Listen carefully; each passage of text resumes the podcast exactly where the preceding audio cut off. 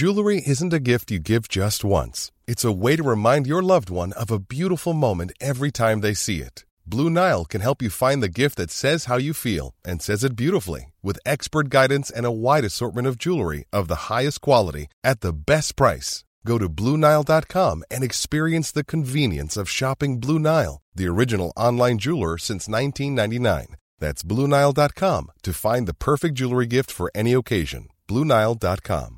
Hiring for your small business? If you're not looking for professionals on LinkedIn, you're looking in the wrong place. That's like looking for your car keys in a fish tank. LinkedIn helps you hire professionals you can't find anywhere else, even those who aren't actively searching for a new job but might be open to the perfect role. In a given month, over 70% of LinkedIn users don't even visit other leading job sites. So start looking in the right place. With LinkedIn, you can hire professionals like a professional. Post your free job on linkedin.com slash achieve today. Since 2013, Bombas has donated over 100 million socks, underwear, and T-shirts to those facing homelessness. If we counted those on air, this ad would last over 1,157 days. But if we counted the time it takes to make a donation possible, it would take just a few clicks. Because every time you make a purchase, Bombas donates an item to someone who needs it. Go to bombas.com slash ACAST and use code ACAST for 20% off your first purchase. That's bombas.com slash ACAST, code ACAST.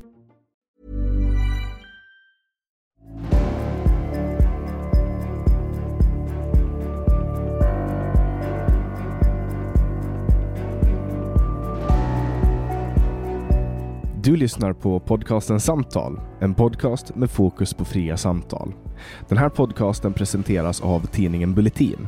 Om du vill få tillgång till samtal sju dagar före alla andra så kan du gå in på www.bulletin.nu och bli prenumerant. Då får du också ta del av hela Bulletins premiumutbud. Kom ihåg att Bulletin också finns som app till både iOS och Android.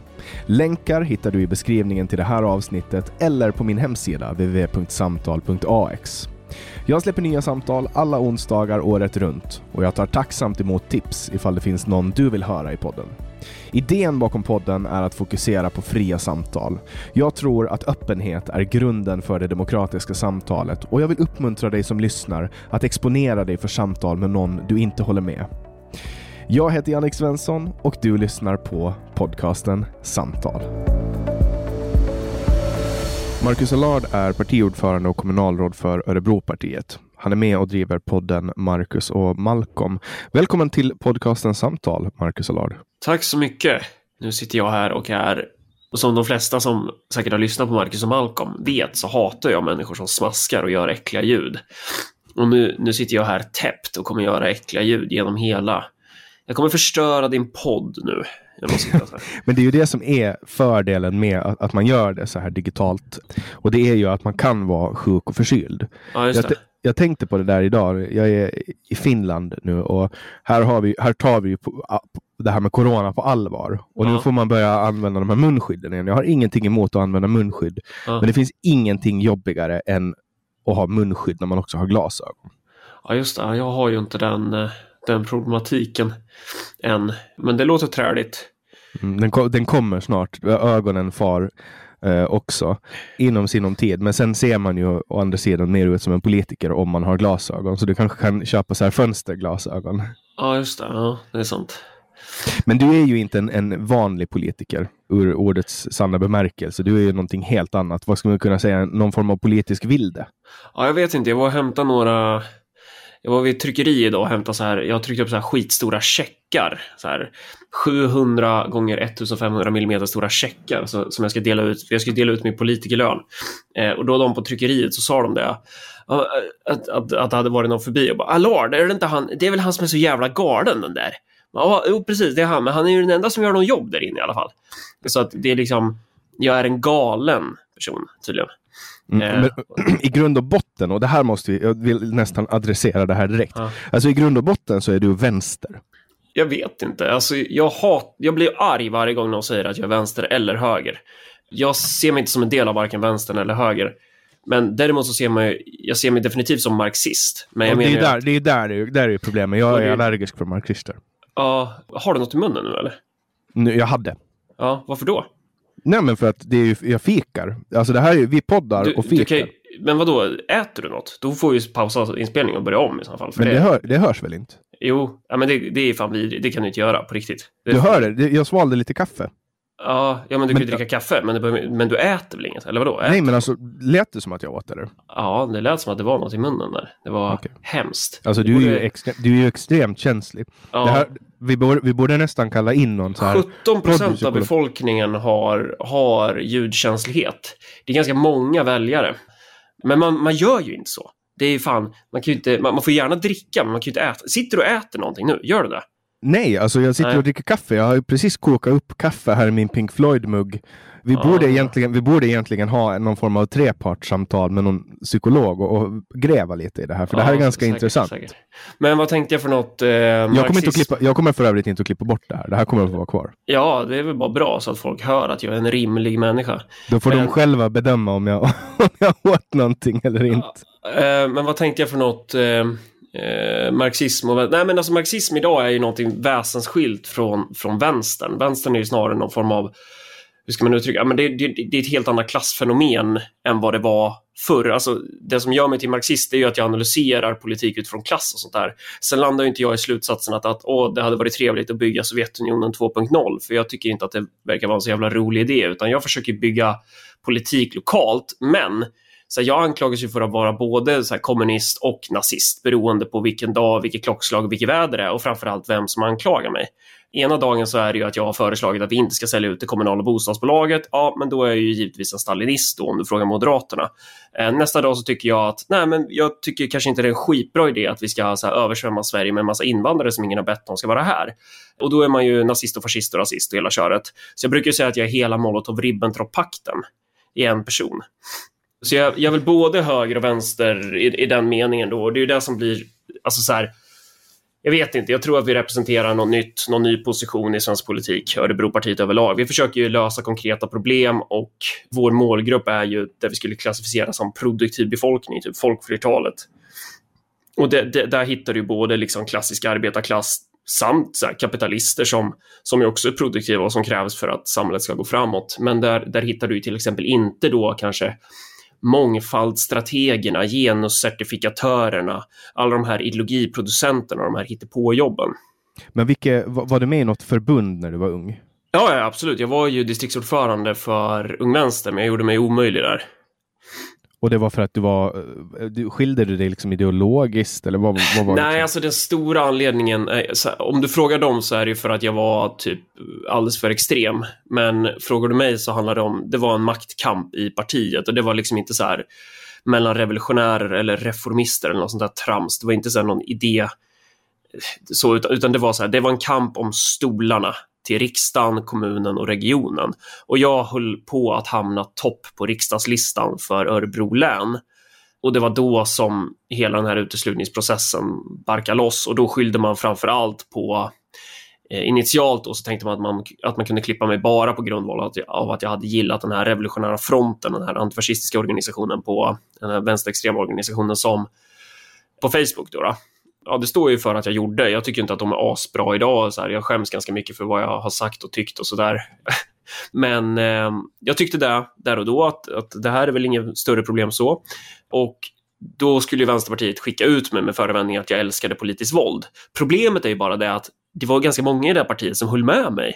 Och då blev det ju svårt för dem att skicka ut mig på den förevändningen, så då var de tvungna att hitta på en massa nya. Så det slutade med att de producerade ett helt häfte med då, alltså en anklagelseakt om därför bör Marcus Allard betraktas som en, liksom en avfälling som hör hemma i någon form av arbetsläger. Då. Och då var det allt ifrån att så här, eh, jag hade varit taskig mot någon på någon fest, jag hade varit otrevlig vid det och det tillfället, jag hade när jag höll någon så här värvningskurs för Folk Ung Vänster så hade jag sagt att vi ska inte punktmarkera, vi ska inte stå vid ett fisk, med ett fiskespö och punktmarkera personer för att värva, utan vi ska gå in som en jävla dödstrålare och plocka all fisk vi kan. Och då, då var liksom så här, Marcus Allard har eh, kallat medlemmar i förbundet för fiskar. Alltså det var på den nivån typ. Och Det, så, låter ju, det låter ju som typ så som samhället skulle bli om, eh, om Vänsterpartiet fick bestämma.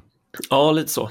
Precis så. Och, och, och det är det där som är intressant med det där partiet. Jag brukar mena på att socialismen har ju försvunnit ur dem, men att det auktoritära är kvar. Och jag stör mig som fan på folk som håller på och pratar om att typ Vänsterpartiet idag är kommunister. För människor som gör det har fan ingen koll på vad det är för typ av parti. Det är oftast, alltså det, det är som att säga att Sverigedemokraterna är nazister. Det Ja, är alltså det, fin- det finns ju liksom, du kan ju rent krasst ta Sverigedemokraterna Mm. och så kan du börja leta efter saker och då kommer du att hitta vissa människor som har, har någon form av koppling, som har någon form av det kommer, du kommer alltid att hitta de där kopplingarna om du letar tillräckligt mycket. Och det är samma med Vänsterpartiet. Du kommer Ja. att hitta dem. Men de som Men- är men på- uttalade kommunister, de befinner ju sig inte i Vänsterpartiet. De är Nej. ju med i kommunistiska partiet Ja, eller något av de andra. Du, du kan säkert hitta en och annan i Vänsterpartiet fortfarande som menar på att de är uttalade kommunister och, och de personerna är ju faktiskt de största problemen. De borde ju stämmas för varumärkesintrång för att de är ju sällan, alltså de är ju sällan kommunister for real, liksom, utan det är ju då, det är ju det som är lite så här problemet med att säga att man är kommunist, typ, för att antingen associeras du med så här Stalin, Pol Pot, alla de här liksom galna massmördande diktatorerna som bara slaktade människor och bara orsakade enormt mycket lidande och elände. Eller och det här är fan frågan, vad är värst? Så associeras du med de här jävla blåhåren med septum piercingar som typ sitter och resonerar. Innan de, innan de kan fatta ett beslut för dagen så måste de ha en mårrunda och alla måste presentera vilken form av kön man tillhör. Och det är väl de två associationerna till kommunister som finns typ. Och båda är ju rätt dåliga skulle jag säga. LinkedIn har ju börjat med det där att du kan skriva in ditt eh, pronomen. Ja, Och jag hatar LinkedIn. Alltså det finns få saker jag hatar så passionerat som Jag- LinkedIn. Men jag går ändå in där kompulsivt. Jag, jag, jag var med i en podd eh, i Good Old Boys, en engelsk podd, och gjorde bort mig när jag satt och pratade svengelska. Och då, då fick jag möjlighet att skriva in mitt pronomen. Och då skrev jag in att jag var Grand Marshal. Men som World of Warcraft. ja, rank, rank 14. Men, men, men de jävla idioterna hade ju inte spelat WoW. Så då satt jag där och kände bara, åh, era obildade jävla tulpar från kolonierna som inte har, har koll på kulturen. Men vadå, så de satt och refererade till det som Grand Marshal? Nej, det var bara så här, jag vet inte, de, de, de sket väl i det där typ. Men jag, jag, jag var jättenöjd med mig själv för att jag hade skrivit in det. Jag, jag tyckte det var jätteroligt. Va, var du någonsin rank 14? Nej, jävlar om man hade varit rank 14 alltså. Alltså, var du det- det? Nej, gud Nej. nej. Alltså, Jag bara antar att du har spelat WoW. Bara, ja, ja, ja, ja, ja, absolut. Alltså, jag växte När är du född? Nu är, 94. ja, okej, du- men då är, du, då är du ju yngre än mig. Jag är född 90. Du Mm. vet, men, men hur var hur var liksom, hur var WoW-densiteten på ditt gymnasium? Typ? För att alla, alltså alla på Tullängsskolan spelade ju WoW alltså. Alltså det här, det slår ju typ 2006 och då gick jag i, i sexan, sjuan. Ja. Så det var, det var när jag gick i, i lågstadiet, ja, femman kanske, fyran, femman. Så när det, vi började spela för att våra stor, stora syskon spelade. Det. Mm. Och, och då spelade också alla. Det var så, här, det, det, var, det var så mycket World of Warcraft-snack Ja. eh, att lärarna fick säga åt oss att vi inte fick prata om det där WoW. Sa de. Så och sen, det, sen började de själva spela och sen så var de hooked. ja, det fanns, det fanns vissa lärare som spelade faktiskt. Ja, det Eh, och, och det där är ju, men det är som du säger, det där är ju kultur. Sen Ja. de släppte ju en, en remake, alltså bara för, för de som inte vet, stäng inte av nu bara för att vi pratar om det här, det är ett litet bispår. Ja. Men World of Warcraft var alltså ett spel som släpptes 2005 eller Tre- 2006. Nej, Ja, 2000, kanske. 2003 släpptes det väl ursprung- Fyra, tror jag. 2003 eller 2004, ja där någonstans. Ja, Jag kan kolla. Eh, ja skitsamma, där, där är king. Det kommer alltid vara någon nörd som bara, "Åh, fast Ja. betan kom då och då. ja, nej, men det var 23 november 2004. Ja. Står det här. Och det som hände då var att man typ, det enda man gjorde var att man hade kommit så pass långt att man kunde slå ihop att alla spelar på samma ställe. Ja. Istället för att alla satt och spelade hemma, ensamma vid sin dator, så kunde alla spela på samma server. Och det här var det, blev... det, det var ju väldigt stor värld och sådär. Det var ju väldigt, det var väldigt mycket som var liksom revolutionerande med WoW överlag när det kom. Ja, man kunde göra jättemycket saker och man kunde Ja. ku- kust, custom, alltså få sin karaktär att se ut precis som man ville och kläder och, och sen fanns det en massa olika spelsätt också. Men då kunde man spela mot varandra, så att man krigar mot varandra. Och då kunde man, om man var bäst på hela servern under en viss period, då fick man rank 14.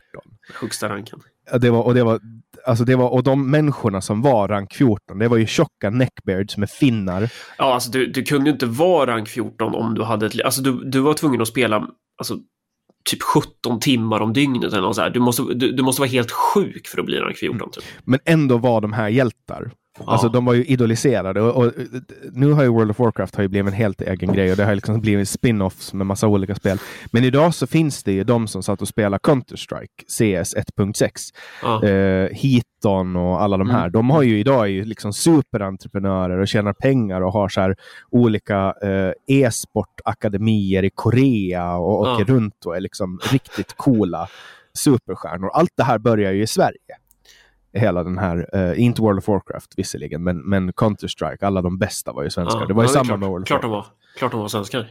Och det är ju Det- samma med musik, elektronisk musik. Där är ju elektronisk dansmusik. Där är ju svenskar också alltid bäst. Ja. Men det här, det här är det du och jag kommer att prata om när vi blir gamla. Jag kommer du ihåg när han fick Ja. sitt första mount och fick springa från Stormwind? Du vet, ja. och så blir vi gamla. Men det här är ett sidospår. Men okej, vi hoppar tillbaka till podden i alla fall. Du, du an, och Pronomen, rank Pronomen. 14, Varför är det- vänstern.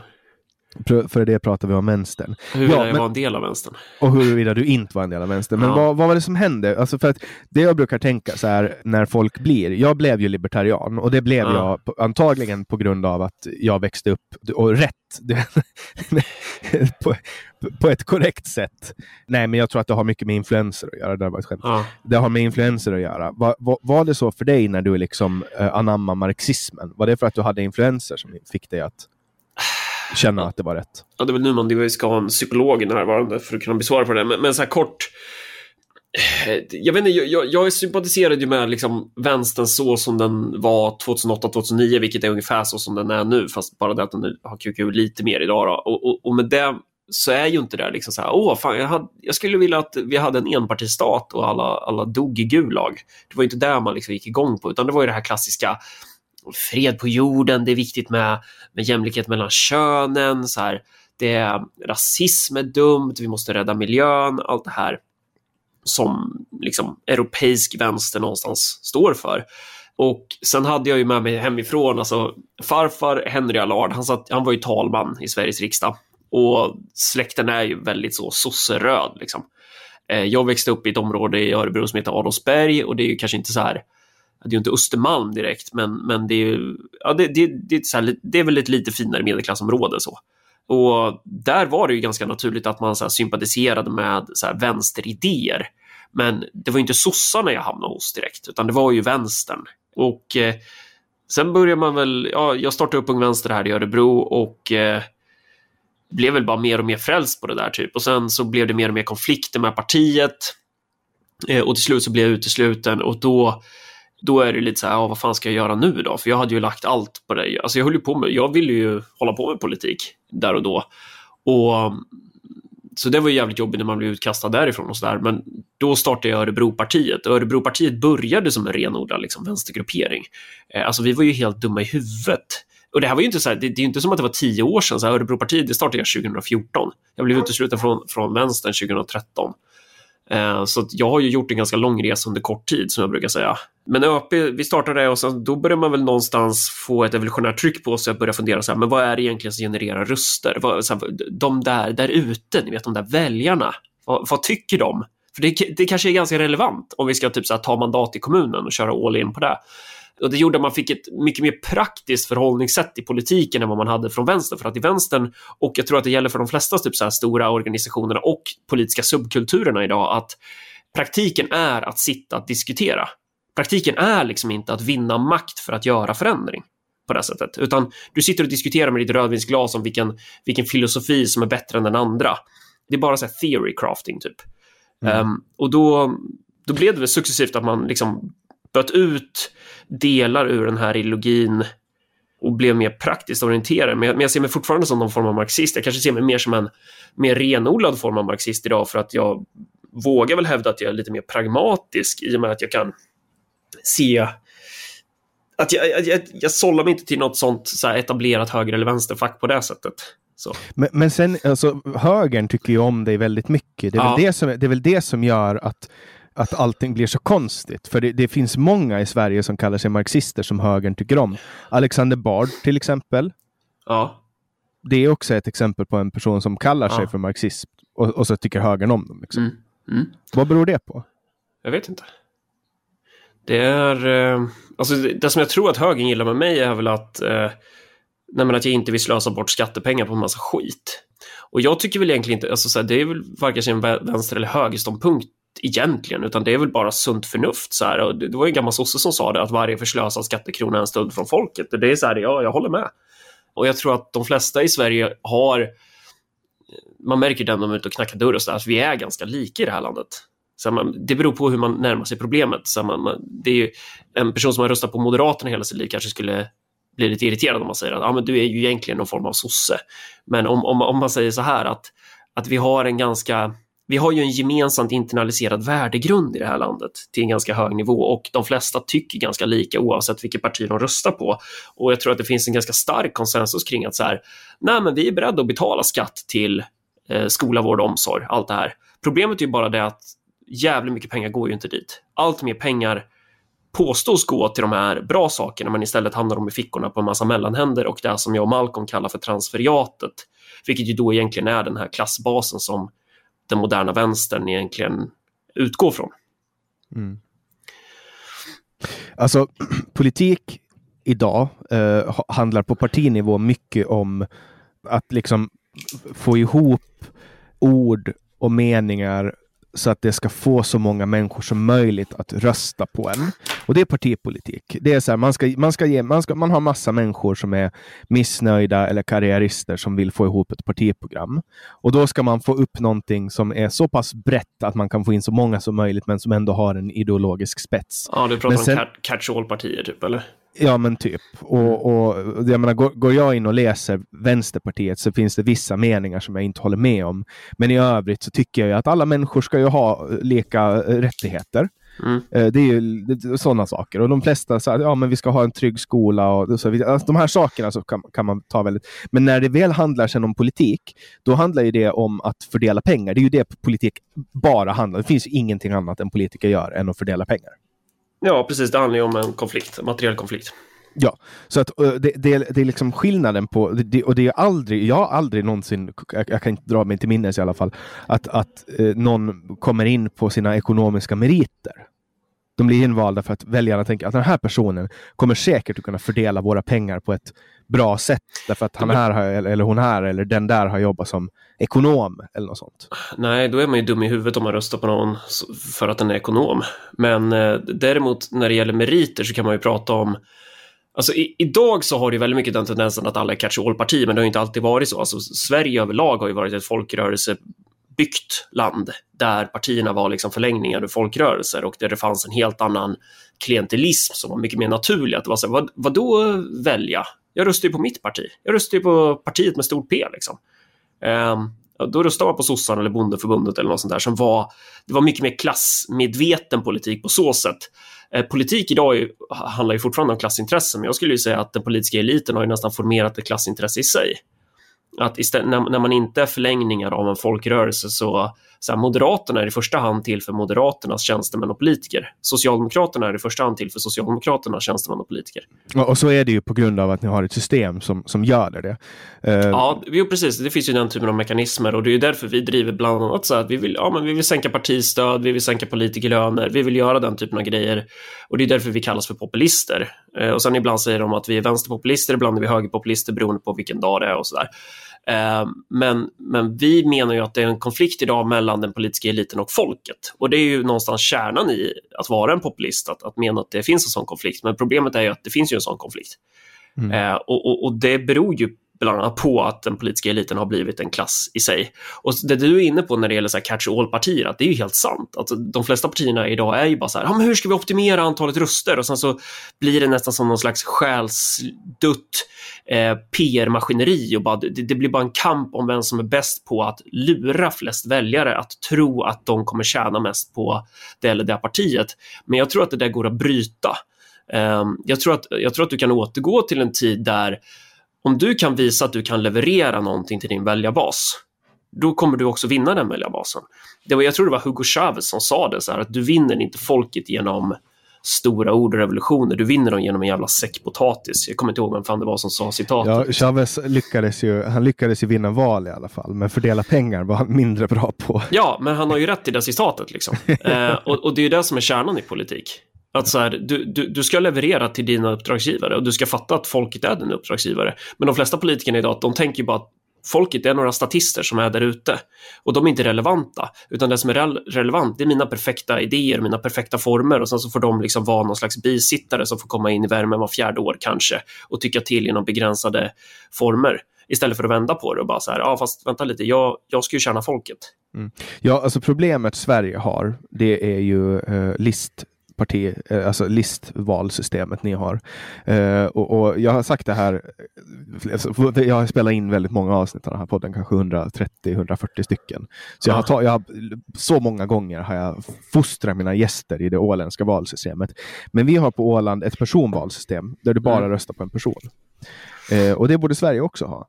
Sen tycker jag att för Ålands del, så på mikronivå, så funkar inte personval optimalt. Speciellt inte när, när de rösterna som faller... Men hur funkar eh, det då? Då har ni inte parti... Eh, ni har inte parti... Alltså man röstar inte på ett parti, utan man röstar bara på kandidater då, eller? Ja, man, alla, alla kandidater ställer sig på listor. Och mm. alla partier då, nu är det inte partier i ordets bemärkelse, utan det är registrerade föreningar men alla har val, valsamfund kallas de här listorna. Och säg att du och jag och Pelle eh, Andersson ställer oss på en lista och du får, du får flest röster och, ja. och vi får ett mandat, då, då tillfaller alla röster dig. Alltså ditt mandat. Så, och sen delas det upp då. Men, men i Sverige så har man ju listor och sen väljer partierna internt vem som är i, i, vem som ska få mandaterna. Men, men enda skillnaden är att i vårt system så väljs mandaterna enligt den person som har fått flest röster. Mm. Så den person som har flest röster får första mandaten, den som har näst mest får andra och så vidare. och så vidare. Jag tror att det är lite skitsamma beroende på gällande just det här med catch-all-politik. Att så här, det jag vill göra någonstans med Örebropartiet och i förlängningen, jag skulle vilja starta ett nytt parti i Sverige överlag. Och det är väl lite det som vi håller på med när vi för det är ju inte bara Örebropartiet som vi håller på att jonglera med. Vi har ju lite fler lokalpartier som vi har testat att dra igång och sådär. Eh, och så får vi se hur det går med respektive parti. Men, är Malmölistan ett av dem? Nej, det är de inte. Utan Malmölistan hade... är Alltså de är ju såklart inspirerade av Örebropartiet. Jag har haft kontakt med Nils Littorin och sådär, men de, de är självständiga. Mm. För jag hade med för, för två veckor sedan hade jag med en, en Lukas Lindahl och en, en, ja, just det. kille. Ja, han gillar ju att prata om, uh, ibland i alla fall, att så här, ja, man, sitter i, man sitter på någon så här samtal någonstans och pratar med Örebropartiet och så rätt som det så bara bryter Lukas och bara vrålar så här. Ah, eh, vi, är, vi är som ÖP, eh, Malmölistan. Ja, just det. Och det är de väl, det är de väl delvis. Eh, de driver många av den, den, typen av frågor som vi driver och jag önskar dem lycka till. Men de är inte en del av vår familj, så att säga, utan det är liksom inte någon av... Vi har ju ett gäng partier som står oss närmare rent organisatoriskt. så. Eh, och sen så är det ju väldigt stor skillnad på vilket, i vissa fall så är vi mycket mer med på detaljnivå och styr och hjälper till och liksom bygger upp personer. Och på, i andra fall så är de mycket mer så här självgående och eh, drar för egen kraft och sådär. Så det beror lite på situation typ. Men planen är i alla fall att försöka starta någon, någon form av nytt eh, parti på riksplanet. Det skulle jag vilja göra. Det är bara det att jag vill inte göra den här som Medborgerlig Samling eller Alternativ för Sverige eller vad man nu ska ta för jävla sektparti på vänsterkanten som, som de startar genom att försöka springa och hoppa över den där 4 spärren utan det här får man ta steg för steg och framförallt så tror jag att så här, om du bygger partier lokalt då får du mycket mer naturlig och, alltså det, du bygger ditt parti mycket mer naturligt. Du odlar en politisk kompetens mycket mer naturligt. Eh, jag tror att en risk med att starta med ett stort parti, eller så här, du startar med ett parti, vi ska gå för riksdagen, det är att praktiken riskerar att bli just den här identitetspolitiken som jag tycker är problemet, att man bara sitter och diskuterar de perfekta formerna och de perfekta ideologierna istället för att få direkt i knät så här, ja men nu ska du lösa det här problemet. Det blir mycket mer jordnära och då odlar du liksom en politisk metodologi bakvägen på något sätt. Förstår du vad jag menar? Ja, uh, och jag tänker också på det här 4 spärren. Uh, jag menar, man måste ju ha ganska många olika, alltså, då, då, måste ni knyta ihop det i olika regioner. Ja, dels så finns det 4 spärren, eller så finns det ju också bakvägen in i riksdagen och det är 12 spärren om du känner till den. Men det är ju om du får 12 i en valkrets, alltså ett län eller om ja, typ Göteborg är ju en valkrets, några städer är ju valkretsar också. Så, det, så får du 12 i en, i en av riksdagens valkretsar, då har du också möjlighet att komma in. eh, via den vägen. Då. Men, men som svar på din fråga, ja, planen är väl att knyta ihop det här på något sätt så att vi kan hoppa över då. Men då när man väl gör det, då skulle det vara av, då har man testat en massa olika lokalpartier. Då ser man så här, ja men det här gick ju bra, de här de var dumma i huvudet, det här misslyckades vi med. Och då kan man liksom, det, det blir mycket mer naturlig urvalsprocess. Mm. Men det låter ju som att du inte har några problem med att vänta i 20-25 år. Nej, alltså jag skulle gärna, jag skulle gärna bli diktator imorgon. Alltså det är, så jag hade gärna tagit över, kanske inte diktator, så, men, men så här, eh, skämt åsido, jag hade jättegärna suttit i riksdagen imorgon om jag visste att vi, vi hade ett fungerande parti och, och hela den plattformen. Problemet är bara att det, det är ju inte bara att göra, utan det tar ju, det tar ju sån jävla tid det här. Um, så, så, det ja. kommer ju sluta med att jag får vänta 20 år och sen kommer vi missa den där jävla 4% spärren när det väl gäller ändå. Sverige ja. kanske inte finns kvar om 20 år. Det kommer Antagligen inte. Bara, det slukas upp av Norge och Finland. Vi har delat på er och bara mm, mm, mm ja. upp er. Smaska. Mm. Smaska i oss av er. Ja, det kanske hade varit ett bättre alternativ. Jag vet inte vad, vad det finns för andra alternativ. Men det, då skulle det... du få psykbryt av att det smaska när vi åt upp Sverige. Ja, jo, jo. På tal om att smaska, om man, om man googlar dig, då, då kommer det upp så här, menade du äppelskrutt? Ja, det kommer det. som förslag. Mm. Ska vi prata lite om äppelskruttet? Ja, prat, prat, prata om det. Eller vad? Nej, men du kan, väl, du kan väl berätta lite? Du har ju gått ganska hårt på. Ska, vi, ska, vi pra, ska vi prata lite om äppelskrattet? Då vet inte jag. Ja, vad ska jag säga? Du får ju ställa... Ja, precis. Jag har gått hårt. Ja, det finns väl något klipp där då jag är irriterad över att vi har lagt skattepengar på ett kromat äppelskrutt. Um, och, det, och det där har ju blivit... Det, det var ett av de där klippen som blev jävligt virala. Och jag tror att det beror på att det är väldigt många som liksom kan relatera till det där att så här, ja, men, morsan sitter där på hemmet i sin egna avföring och det kommer in någon undersköterska och hon gör väl så gott hon kan, men hon kan inte ett ord svenska så hon vet inte. Så, ja, men är det här ögondroppar eller är det superlim? Jag vet inte, jag, jag bara gör så här. Och du, du vet, det, det är bara någonstans så är liksom offentlig sektor inte vad den brukade vara. Det är bara ett jävla kaos typ. Eh, och, och då samtidigt så vad gör politikerna? Ja, men de strösslar pengar på så här onödig skit som kromad äppelskrutt eller Eskilstuna. De har ju en kromad, fan är det någon jävla spermie eller något som står mitt på torget rakt upp i luften. Det är liksom, det är bara, du vet, så här, offentlig konst så. Eh, och så. Och så frågar man så här, eller frågar man tycker när jag lägger min budget till exempel, då vi skär ju ner mycket mer än vad högern gör och så satsar vi mycket mer på välfärden än vad vänstern gör. Um, och då lite beroende på vem det är som går upp i talarstolen då, så är vi ju antingen nazister eller kommunister. Men då när man föreslår då att ja, men vi kanske inte ska lägga liksom 7 miljoner per år på konst. Vi kanske kan sälja av det här konstbeståndet som vi har som är värt cirka 50 miljoner. De tittar på oss som om, som om man är helt sjuk i huvudet. Det här är liksom inte... Det här är, det här är sånt vad, vad säger man, sanning, doxa, vad, vad blir det? Um, det, det? Det är så självklart för dem att vi ska slösa skattepengar på kromad äppelskrutt samtidigt som det går åt helvete med äldreomsorgen.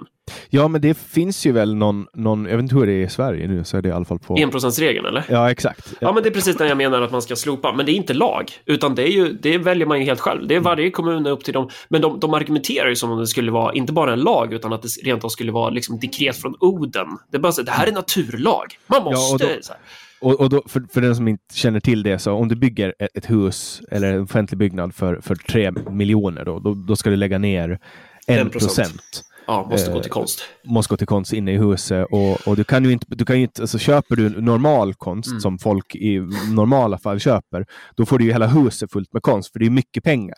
En ja. procent av tre miljoner, det är mycket pengar. Och då löser det... kommuner det där ibland lite kreativt, att ja, men vi kan ha en person som bajsar i en bidé i tunnelbanan och så betalar vi. Att det är liksom, för, för då, det tar ju ingen plats, vet du. Eller bara så här, vi kan, vi kan spela in, spela in ljudet av, av, av Malmö, typ. Och det, grejen är att så här, bakom det här så ska man tänka, ja men visst det här är galenskap, men det är också någonting väldigt tydligt som pågår här och det är en klasskamp. Det här är en klasskamp mellan parasiter, alltså parasitära jävla sopor som behöver de här, de har kört in sugsnabeln i, i offentlig sektor och de lever på skattebetalarna. Så det här, är en, det här är en solklar motsättning mellan liksom konstnärer och den produktiva befolkningen som jobbar ihop de här jävla pengarna. Men vi, vilka företräder vänstern idag då? Ja, men de företräder ju de här jävla psykhuvudena som springer runt och ska sälja, citat, sälja sin konst. Och när man, när man typ irri, blir irriterad på det här, då kommer de liksom och säger så här, du vill förbjuda konsten. Man bara, nej, alltså du, du får göra hur mycket sjuka grejer du vill. Jag vill bara inte betala skatt för det. Jag vill inte att vi ska stjäla pengar från äldreomsorgen för att finansiera det här vansinnet. Men det är, det, inte, det, det är, det är jag helt... som är galen tydligen.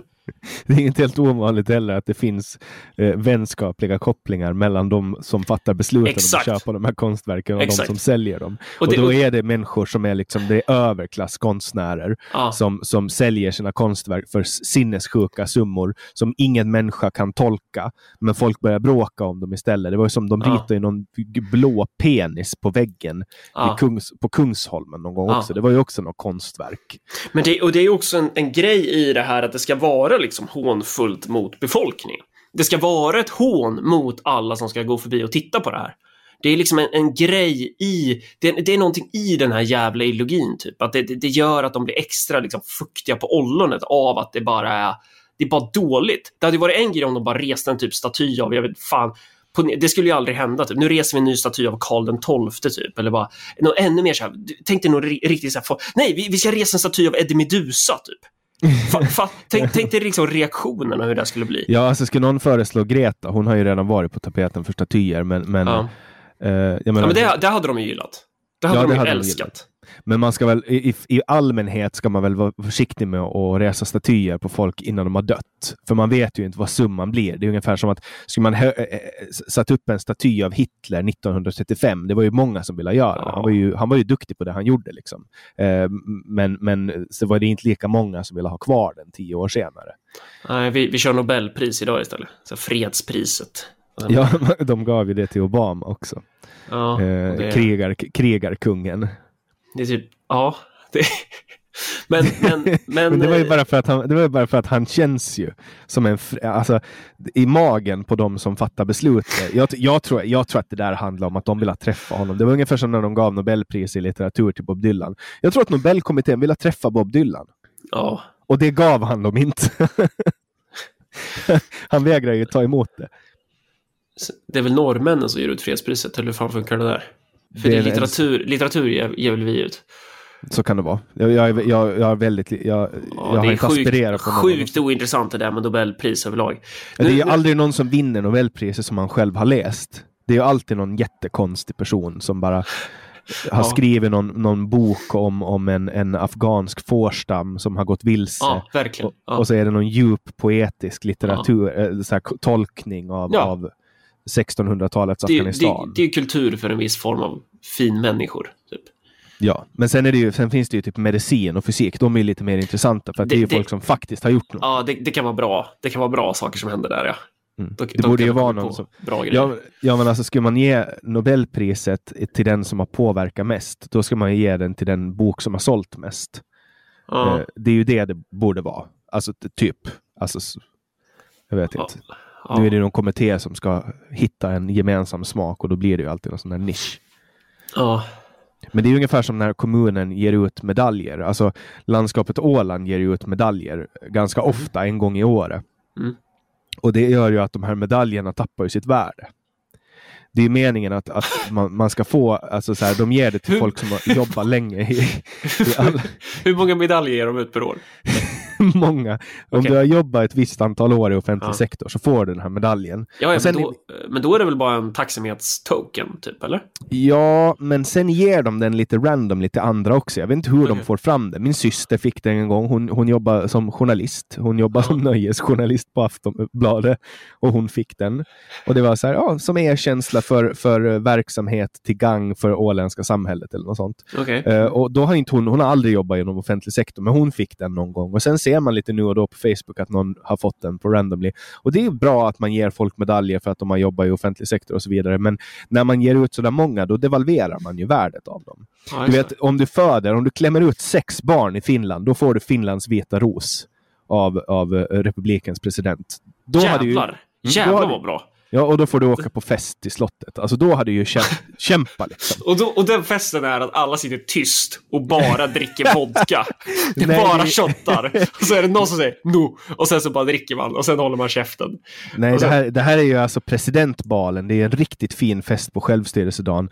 Ja, Där- det är alltså inte så på presidentbalen att man sitter och gör så. Nej, självständighetsdagen. Förlåt. Så att du har, du har den 6 december så är det självständighetsbal på slottet och då eh, ko- kommer liksom eh, alla YLE, alltså SVT, motsvarande till Ja. SVT, filmar och så har de kommentatorer som kommenterar allas klänningar. Ja, precis som Nobelmiddagen då. Ja, och så kommer de in och då får du, har du klämt ut sex barn, eh, då får du den här, du får, det är en riddarorden. Gäller det även om man inte, alltså gäller det även somalier? Alltså, jag vi, vi har inte... Alltså, Eller, eller, vi är, här- eller är ni rasister, Jannik? Hur, Nej, skulle- funkar det här? så här, om du är född i Finland, om du är somalier och är född Ja. i Finland, Ja, då tror jag nog att du kommer att få Finlands vita ros Ja. om du föder sex barn. Men, men under den tidsperiod som det har varit eh, invandring från Nordafrika Mm. eh, så har man inte haft eh, den här, alltså somalier i, i den utsträckningen. Jag tror inte att någon somalier har fått Finlands vita rosorden faktiskt. Men det här är alltså en riddarorden. ja. Och jag, jag tycker inte att det är något fel på att man belönar för rätt saker. Vi vill ju ha barn. Vi vill Ja. ju att det ska födas så mycket barn ja, som möjligt. Det är en bra sak. ja. Och, och, då, och då ska man ge det. Men, men i övrigt, att hålla på att dela ut... Eh, så här, jag vet inte ens hur vi gled in på det här nu, men, men det är ytterligare en av offentlig sektors... Eh, Jo, men det är mycket skit som man gör där och det, det viktiga att komma ihåg är att det är en klasskamp i grunden. Alltså det är därför vi har hela den här liksom ideologiproduktionen och, och den här så kallade kulturkampen. Det är ju för att människor livnär sig på det och för att du kan inte gå runt och säga bara hej, ge mig, ge mig pengar, jag är en parasit, utan du måste säga ge mig pengar annars så hatar du eh, bögar typ. Mm. Det, är där- det är därför du måste köpa så diplom till byggnadsnämnden som visar att du har gått en viss certifiering för att du så här, hbtq-diplom och sånt där till exempel. ja, så du har ju, om man går in på... Du får ju offentlig, offentlig sektor, de ger ju olika... De får ju göras, men i privat sektor så finns det en hel lista på saker du får ge. Du Ja. får ge en, en jubileumsgåva skattefritt när ett företag firar 25, 50, 75 eller 100 år. Mm. Eh, och den är skattefri om värdet inte överstiger 1350 kronor. Sen får du ge minnesgåvor eh, och, eh, och så får du ge julgåvor. Sen Ja. får du också, om någon har jobbat i 25 år, då får du ge en guldklocka. Ja, just det. Eh, och det, det, där finns det liksom, det finns Det är ganska roligt för att de har just guldklocka specificerar de. Ja. Vet du vad du inte kan göra då? Du kan inte bjuda på fika. För då blir det avdrag på lönen oftast. Vet, Ja, vet, där- vet, du, vet du hur mycket vi fikar för, vi politiker i Örebro kommun, per år? Berätta. Mellan 560 000 till 616 000 kronor per år. Det är så jävla sjukt. Ja, det är fan sjukt. Är det. Ja. Vi har ju lagt en motion om att politikerna ska betala för sitt eget fika. Det tycker de andra politikerna är jättekonstigt. Eh, Ja, alltså det, det här är, jag, jag, jag känner en person som jobbar på en myndighet. Jag ska inte nämna vilken vi- Jo. myndighet. Ja, Okej, vi- okej, så här. Det är en skola som drivs av med offentliga medel. Ja. Väldigt stor, forskar väldigt mycket. Mm. Alltså de, de summorna, Ja. fika. Alltså det kommer, det kommer lastbilar och kör upp på lastkajen och rullar in fikan Ja. eh, in i det här stora komplexet. Alltså lastbilar i plural. Ja. Och, och det är en rättighet enligt dem. De ska ha sitt fika. Och, det, alltså, och, och tänk då att sitta och administrera det här Mm. och kanske vara lite, nej men vara lite frihetligt lagd. Man vill liksom... ja, alltså, alltså, grejen är att när det gäller det här med varför jag la den här motionen i Örebro till exempel, om vi skulle, att vi tycker att politikerna kan betala för fikat själva eller att man debiterar partierna eller sådär. Det är ju för att om alla andra i kommunen hade fått jävla gräddtårta på kafferasten, ja, fine. Då hade jag kanske inte brytt mig. Men det är, hela, det är den här attityden om att vissa är liksom för mer än andra som jag stör mig på. Så det, det är ju så här, och visst, fikat kanske blir, man ska inte fika en podd, men, men det kan ju bidra till, om man gör det inom podden så får man upp blodsockernivån och så kanske man är med, mer med i matchen typ. får, om jag man, en liten, får jag en liten smäll där för att jag drack kaffe i början på podden? nej, kaffe är okej, men man får inte äta någonting. Det, det, det, det, måste, det måste du hålla med om. Det borde vara strikt förbjudet att Mm. äta något i en podd. Men då hatar du lunchmöten med andra ja. ja. Oh ja! Oh fy fan vad jag hatar lunchmöten alltså.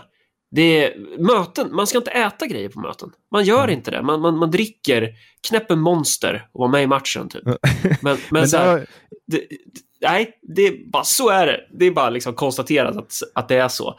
Men, Nej, men alltså lunchmöten, det är ju för folk som är upptagna, alltså som inte hinner med annat. nej, men de men- tror, de, nej, det är för folk som tror att de är något. Vi ska ta ett lunchmöte. Bara, nej, sluta.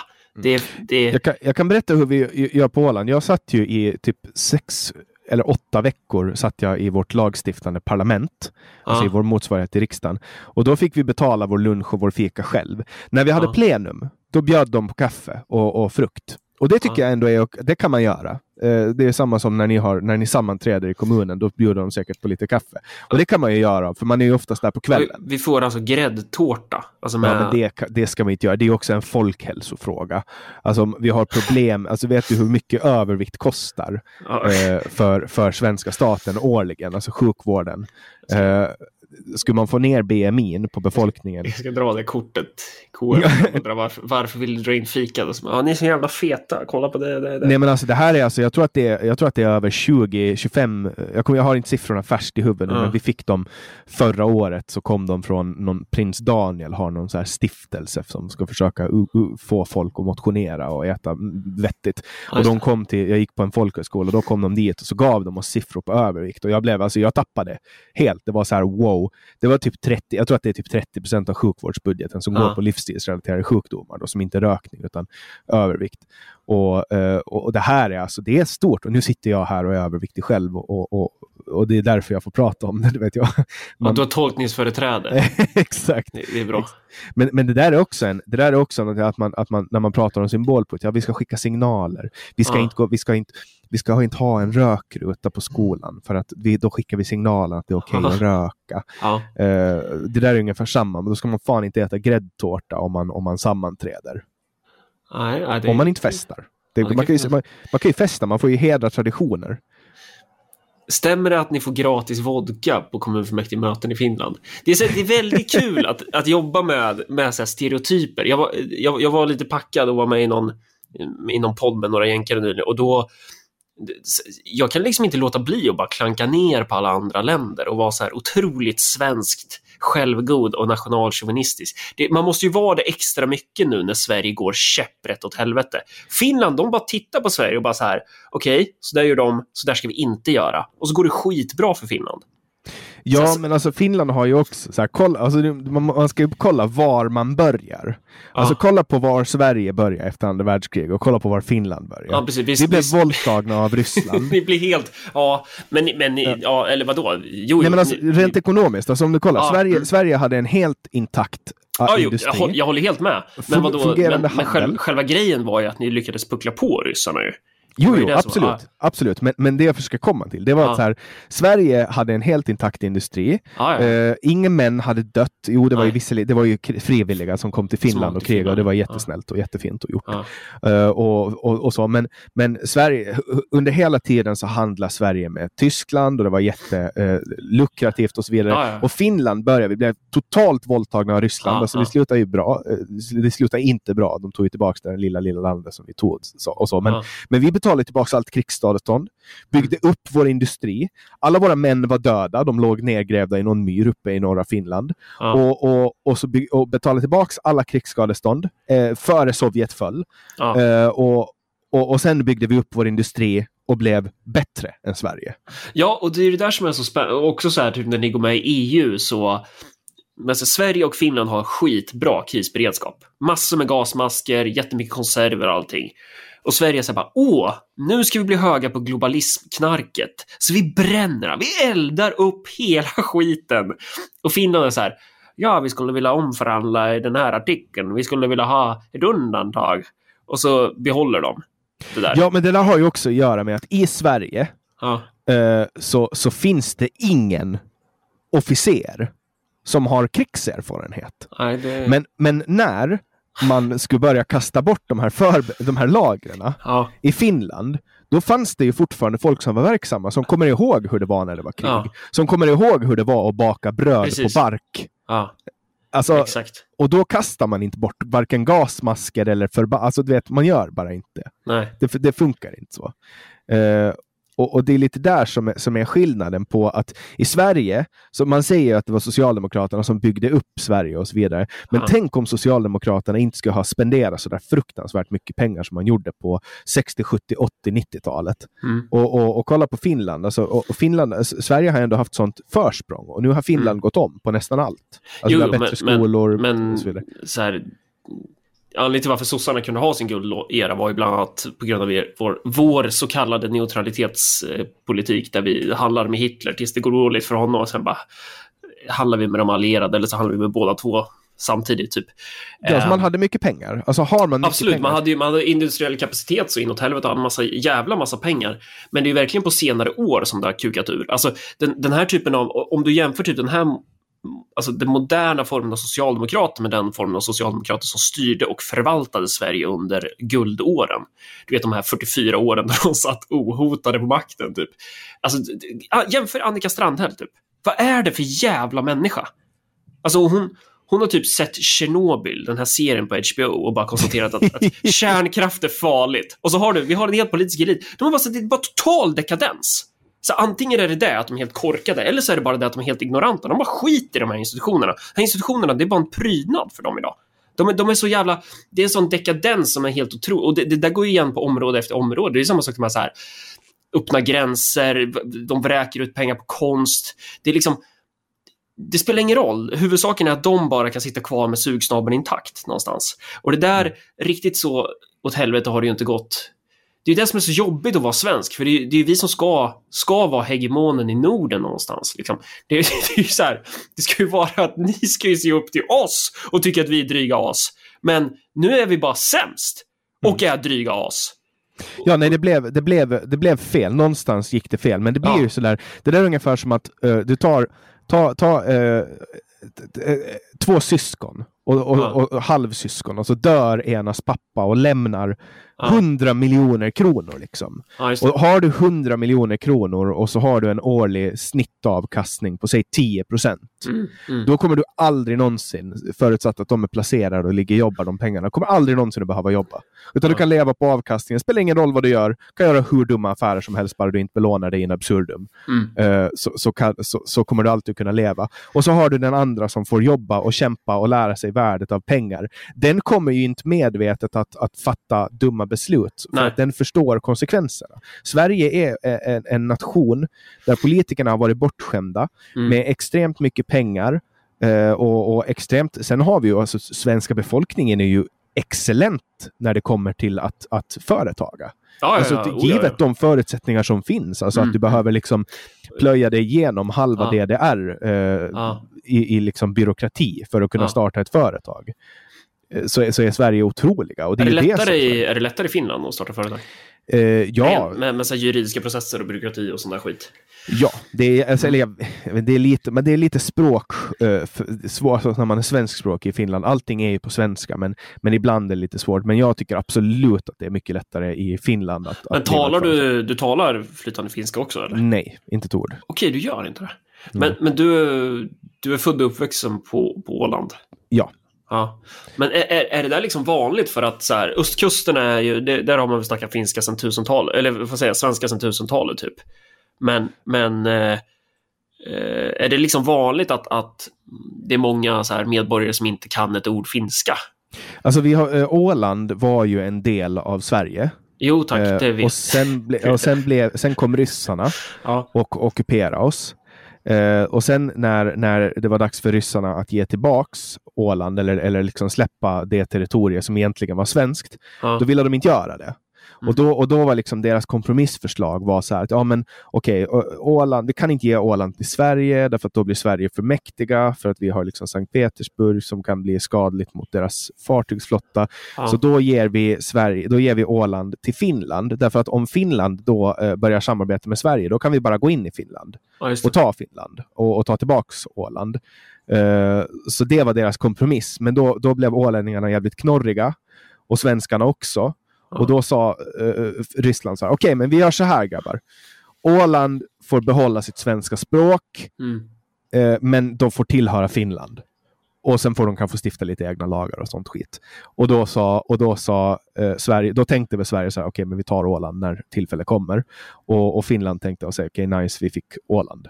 Och ryssarna kände att det var en bra kompromiss. Så vi, vi pratar bara svenska här. Vi behöver Mm. inte prata. Och därför är också svenska, eftersom adeln, eh, alla svenskspråkiga i Finland är gammal adel Jo, jo. från Sverige.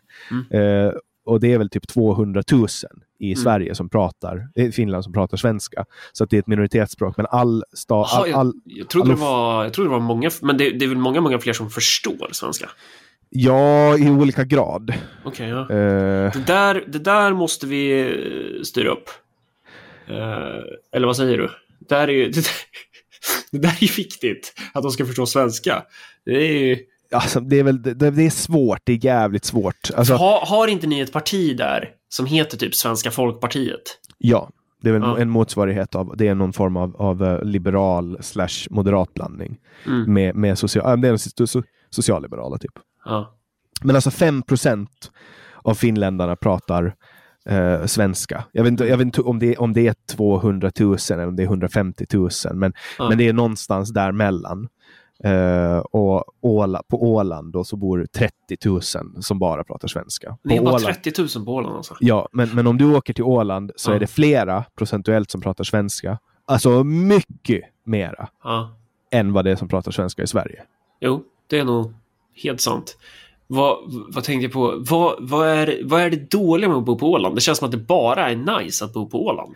Alltså, det är helt rätt det du säger. Det är bara nice att bo på Åland.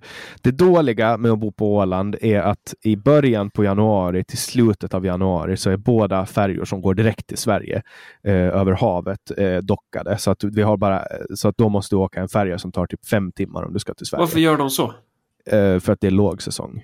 Eh, så, det är så det är så lite trafik då, så de passar på att göra De har semester alltså?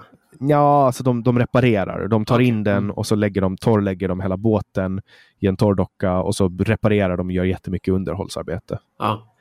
eh, under en månad. Det är det enda dåliga med att bo på Åland. Allt Eh. annat är... Hur, hur är skatten och liksom levnadskostnader och sånt där? Är det, Eh, det är ganska dyrt är det, eftersom... dy, är det folk- dyrare relativt typ hur, hur större städer i Sverige? Eh, alltså, i, ja, eh, det, det är så här, all, all, alla matvaror Ja. eh, så, måste liksom, så går ju vi att det blir, tre, det blir ytterligare en mellanhand. Okej. Eftersom de, så vi har eh, partihandelsbolag på Åland som beställer från Sverige och Finland och andra länder in mat som de sen säljer till butiker som sen säljer till slutkonsument. Mhm. Så istället för att typ Coop eller Ica beställer direkt från sin centrallager och säljer till slutkunder, du bara har en mellanhand, vilket är Coop, så har vi två mellanhänder. Vilket gör att priserna stiger med kanske 20% 20-25 Ah. så att det är lite dyrare att äta mat på Åland. Men du kan köpa, det gör också att all lokalproducerad mat eh, blir eh, billigare i förhållande till annan mat, om du förstår vad jag menar. Mm. Eh, så att vi, vi kan äta, vi kan klara oss jävligt långt på att bara äta åländska råvaror. Och man mår jävligt bra av att äta åländska råvaror. Ja. Eh, för att vi har, liksom, vi har en bra jordmån, vilket gör att det är hög näringshalt i mjölken. Eh, och, och det som de kor som, och får och allt sånt som bara äter gräs på Åland och betar åländskt betat gräs Ja. blir väldigt bra. Det blir väldigt bra kött. Så om man gi- gillar kött och fett, då Ja, är men- Åland väldigt bra. Ja, det gillar jag. Jag gillar kött och fett. Det, det, det är bra. Och sen har vi också ett eget bryggeri för de som gillar öl. Jag hade med Ja, när jag var till Örebro i somras och träffade Rickard Axdorff och Anders Hesselbom. Då hade jag med mig Ja, du hänger med Axdorff alltså? Ja, det gör jag. Jag producerar bo- bondepraktikan åt honom, Jaha, okej. den podden. Ja. Eh, och då, då hade jag med åländsk öl och då sa i alla fall Anders Hesselberg, jag kommer inte ihåg vad Axdorff sa, men att det var den bästa ölen han någonsin har druckit i hela sitt liv och det var en Stallhagen honungsöl. Okej, ja. Men i övrigt, nej, det finns bara fördelar med att bo på Åland. Det är också så här, du kan, du kan köpa en ö eh, för, för, lika mycket, för mindre än vad du kan köpa eh, ett andrahands eh, bo, hyresrättskontrakt. Var, varför har ni inte översvämmats av en massa svenskar som vill liksom söka sig i exil till Åland? Eller finns det några byråkratiska hinder för det? De börjar komma nu. Alltså, vi ja. har, vi har jag vet ju en... flera stycken som tjatar om att de ska migrera till Åland för att så här, Sverige har kukat ur. Typ. Ja, men det är bara, det är bara att komma över. Alltså, folk, det går ju någon jävla rykte om att folk säger så här. Ja, nej men alltså där på Åland, alltså, man får inte köpa bostad om man är, om man är svensk. Men det stämmer inte. Alltså, det är så här, du får inte köpa en strandtomt om du är svensk. Du får vänta i fem år. Och det är bara så att, inte, det, är bara så att det inte ska komma rika människor från Ryssland och köpa strandtomter och, och sen a, a, inte göra någonting med dem. Ja. Så att det tar slut på strandtomter. Vi vill, ha en, vi vill inte ha en sån situation. Uh, så att vi, de som kommer hit och bor här i fem år och blir finska medborgare och sen får hembygdsrätt, de får köpa strandtomt. Annars får man gifta sig med en ålänning. Okej. Okay, ja. Köpa strandtomt. Så att, men, men nej, men det är, Åland är, det är nog framtiden. Faktiskt. Om man vill tillbaks till hur Sverige var på 70-talet. Vi behöver inte låsa bilarna, behöver inte låsa husen. Nej, precis. Allting är pittoreskt och trevligt och folk sitter på samma fik som de har suttit i hela sitt liv. Om jag, går ner, om jag går ner på stan och ska göra något ärende så träffar jag samma människor som har sina mm. dagliga rutiner som de har haft sedan min pappa var liten. Liksom. Blir du inte jävligt rastlös då? Nej, alltså jag varvar ju det genom att åka till Stockholm. Jag har ju varit ja. mycket i Stockholm sedan 2016. Ja, det är och... inget roligt. Det är dålig stad. Det är inget roligt där. Alltså det är väl där, så här, vill, man, vill man göra någon form av karriär, då måste man röra sig där människor Nej, rör sig. Och Stockholm är ju en alltså. hubb. Man kan göra det från Örebro, vet du. det är ja, alldeles utmärkt. Jag spelar in, många av mina poddar spelar in från Åland. Det är ju det som är fördel med corona ja. som har gjort att folk tolererar att man ja, spelar in. Det är sjukt nice faktiskt på det sättet. Jag är ju en sån där, jag, jag gillar ju inte folk överlag. Jag gillar ju att vara, vara för mig själv. Typ.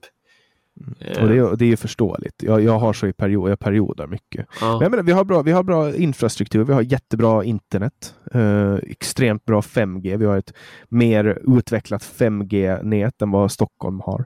Ja. Eh, och eh, väldigt bra internet och så vidare. Så. Om, om någon vill flytta till Åland, kom hit. Det är bara att komma. Ja. Det är bara att komma hit och så, skriva, och så går man eh, till magistraten och, och folkbokför sig här. Det finns transferavtal som gör att man får flytta hur man vill. Om man ja. är svensk. Okej. Okay. Mm. Det var det om Åland. Ja, Örebro då? Varför ska man bo i Örebro? Ja, det är en bra fråga. Det är... Ja, jag bor ju här för att jag har bott här. Jag, jag har inget, jag, jag vill inte locka hit någon hit, hit faktiskt. Eh, det, vi har nog med problem, så stanna där ni är. Jag har en kompis som eh, bor i Örebro. Men han flyttade ja. dit för att han studerar. Ja, jo det blir så ibland. Det är ju rätt många ålänningar här. Ja, det är väl uh, Örebro och Linköping som är ganska stora städer och Uppsala. Mm. Folk flyttar för att studera och det finns fina universitet. Vi har ju bara en högskola på Åland. Vi har ingen riktigt universitet. Det är en applied science. Nej, men så är det med Örebro universitet också. Det, är bara, det, det heter ju bara att det är ett universitet för att Göran Persson typ ville att det skulle heta det. Vadå, är det inte ett universitet? Då? Nej, men det är ju, jo, men det är ju ett universitet på pappret, så jag har ju själv pluggat här. Men jag... Eh, alltså det är ju skillnad på att plugga på Uppsalas universitet och Örebros universitet. På, ja, det är väl ungefär samma grej som att det är lite skillnad på att plugga på Oxford och en skillnad på att plugga på Uppsala. Typ. Ja, men det, blir, det är ju namnet. Eh, ja, men sen, sen, är det väl hela konceptet också, typ så här, vad, vad, vad som är Eh, ja, jag vet inte.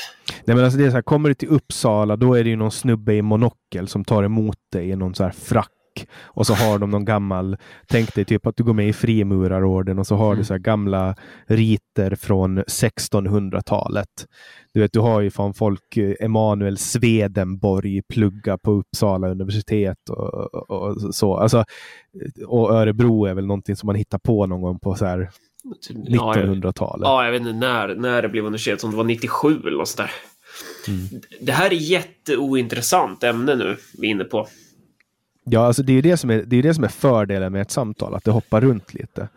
Uh, ja. men, men vi hoppar in på, vi hoppar in på någonting smaskigt. Vi har ju, vi har ju avhandlat äppelskruttet nu mm. utan att egentligen berätta om det. Jag tycker att äppelskrutt... Men, men, men, men det, det, det, är ju, det är ju smått, eh, eh, hur ska jag uttrycka mig?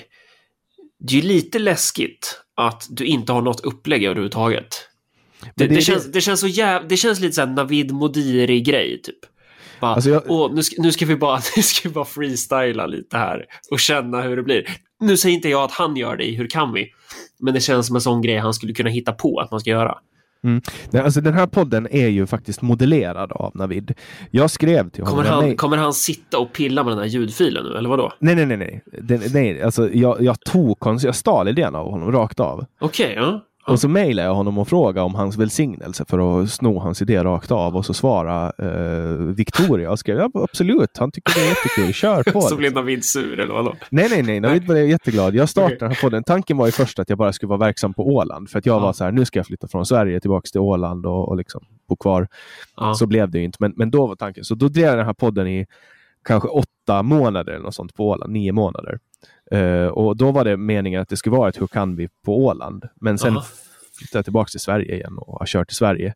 Så nu är jag egentligen bara en, en åländsk Navid Modiri. Mm. Eh, Har du på med massa sån här eh, jävla meditation och... nej. Och du, och du är bara helt flytande. Man bara, vad tycker du Navid? Ah, jag tycker det här. Och så tycker jag det här. Som är motsatsen. Så bara, ah, okej, så du är, du är det här? Ja, delvis.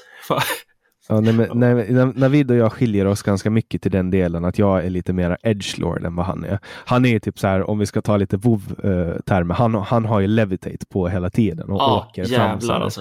Eh, och ögonen är typ helt lugna. Jag är väl lite mer stissig och så. Och, och, eh, men, men det han gör, det, det handlar ju i grund och botten om samtalsaktivism. Alltså sätter sig Ja. ner och skiter i vad, vad blir konsekvensen av att jag pratar med den här människan. Ja, Det, ska, det är det man ska strunta i. Nu får ju jag konsekvenser för att jag pratar med, med människor. Du kanske lä, läste när, när jag pratade med en trippelmördare och, och det blev ju... eh, var det första- han du bjöd med på det där bulletinmötet?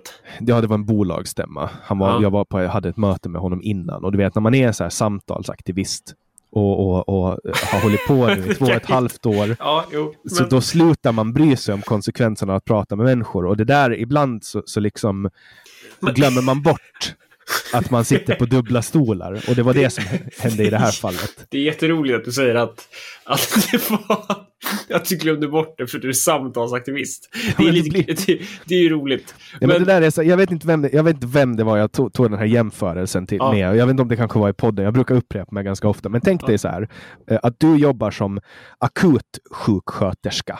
Ja. Och varje dag på typ någon traumaenhet och, och, och varje dag så kommer det in folk som blöder och tarmarna sticker ut och krossade skallar och sånt. Och, då, och så är du och din flickvän ute och går på stan. Och hon är jätteovan med blod och så kanske Ja. ni ser en bilolycka Mm. där någon har slag i huvudet och det blöder. Mm. Och, och, och du går förbi och så tittar du och så ser du så här, ja ah, där har du en eh, traumaskada på bla, något latinskt namn och bla Ja. bla bla. Och så bara noterar du och så, ah, okej. och, och din tjej ser det och hon blir illamående. ja. Och, och det- det, där kanske Det- kanske det- inte kan sova. Extra sjukt om man inte går in och hjälper personen Ja men alltså de kanske... De, de, han, bara, att, han bara står och lägger en diagnos innan han går vidare. Nej men säg att det var, det var eh, ambulansmän där som höll på att fixa och du bara går förbi och ser Ja. det. Liksom. Ja. Och, och då så här, i förhållande för dig, när du är van att se det där, då kommer inte du att reagera på det. Nej. Två minuter senare kommer du att fundera på att det kliar på pungen istället. Ja. Medan din flickvän då kommer att känna, äh, kanske inte kunna sova på en vecka för att hon har sett någonting som har liksom stressat henne jättemycket. Och det var likadant på det där stämman då, att du satt där, tog med dig din polare eh, och som du, så här, eftersom du är samtalsaktivist så har du liksom tagit bort spärrarna, att du kan se honom för människa i alla fall då. Och sen så då så är det någon där som blir jättetraumatiserad och sen efter två minuter då kliar det på pungen och då tänker du på Lite, för, lite, lite förenklat så. Och sen finns det ju också en väldigt stor konfliktsbild inbyggd i hela det här. Alltså, Alltså, i- det är en, perso- ja, en person som är väldigt arg på Ja. eh, och, och, då, och, och, och som gjorde en väldigt stor grej av det. Eh, Så Men, att, men är, du, är du fortfarande, var inte du typ, är inte du vd eller redaktör eller fan? Nej, ja, verkställande direktör. verkställande, jävlar i havet. Mm. Ja, det är vd. Det låter Ja. men, men det, ja, vd. Eh, för, för tidningen. Hur känns det? Är det nice? Eller, Alltså, är, eller är det... ett- För det verkar ju vara... verkar vara ett jävla magsår med Bulletin. Alltså det verkar ju vara mycket turer fram och tillbaka. Ja, alltså det, det har blivit väldigt mycket... Eh, alltså här, I grund och botten så börjar ju allting med att Bulletin var en utstickare. Ja, Eh, som var meningen att det skulle vara ett högeralternativ. det. Och, och, och då kommer ju vänstern med sin fulla enade gemensamma kraft försöker krossa den på alla sätt de kan. Gräver upp massa saker och sen har ju det här blivit, du vet när man får väldigt mycket uppmärksamhet på sig från hela svenska mediaeliten. Ja. Då blir folk väldigt nervösa. Det är mycket pengar inblandade. Det, Mm. det skapas liksom, eh, alla vill inte alltid dra åt samma håll. Mm. Eh, och så blir det lite olika eh, meningsskiljaktigheter. Och, och samtidigt så har ju media liksom vältrat sig i det här som så här Mm. gamar som bara drar fram allt och det- hittar de ingenting. Alltså, det finns en etablerad eh, fakta när det kommer Mm. till Bulletin och det är att folk älskar att läsa och skvallra om Bulletin. Mm. Eh, Det är ungefär som att hela svenska mediaeliten sitter och kollar på Big Brother tillsammans och undrar vem som har legat med vem. Ja. Och, och nu när, när vem som helst eh, skriver någon artikel om Bulletin och låser den så får de prenumeranter. För folk vill Ja. läsa. Det. Och, och, och, och det gör att det här, det, det är liksom det är ungefär som att läsa om vad prinsessan Madeleine hade på sig för, för, för klänning. Det är skvaller. Och folk Mm. gillar att skvallra och Bulletin har blivit objekt för skvaller. Och, och nu är det ju också, vi har vissa problem som, som jag kanske inte ska gå in på så mycket. Men, Nej. men, men ja, det är, har varit väldigt mycket. Eh, jag tycker det är kul eh, att få en utmaning och det har absolut varit utmanande. Mer utmanande än någonting jag någonsin har gjort. Eh, men Men har du, har du varit liksom, har du drivit media tidigare? Alltså, för jag, har ju, jag var ju professionell näthatare på, under, under kamrat Chang Frick på Nyheter Idag. Alltså, jag, jag började för tio år sedan i vår eh, Ja. skriva som journalist. Eh, och så har jag skrivit som skrivande reporter. Och sen började jag frilansa.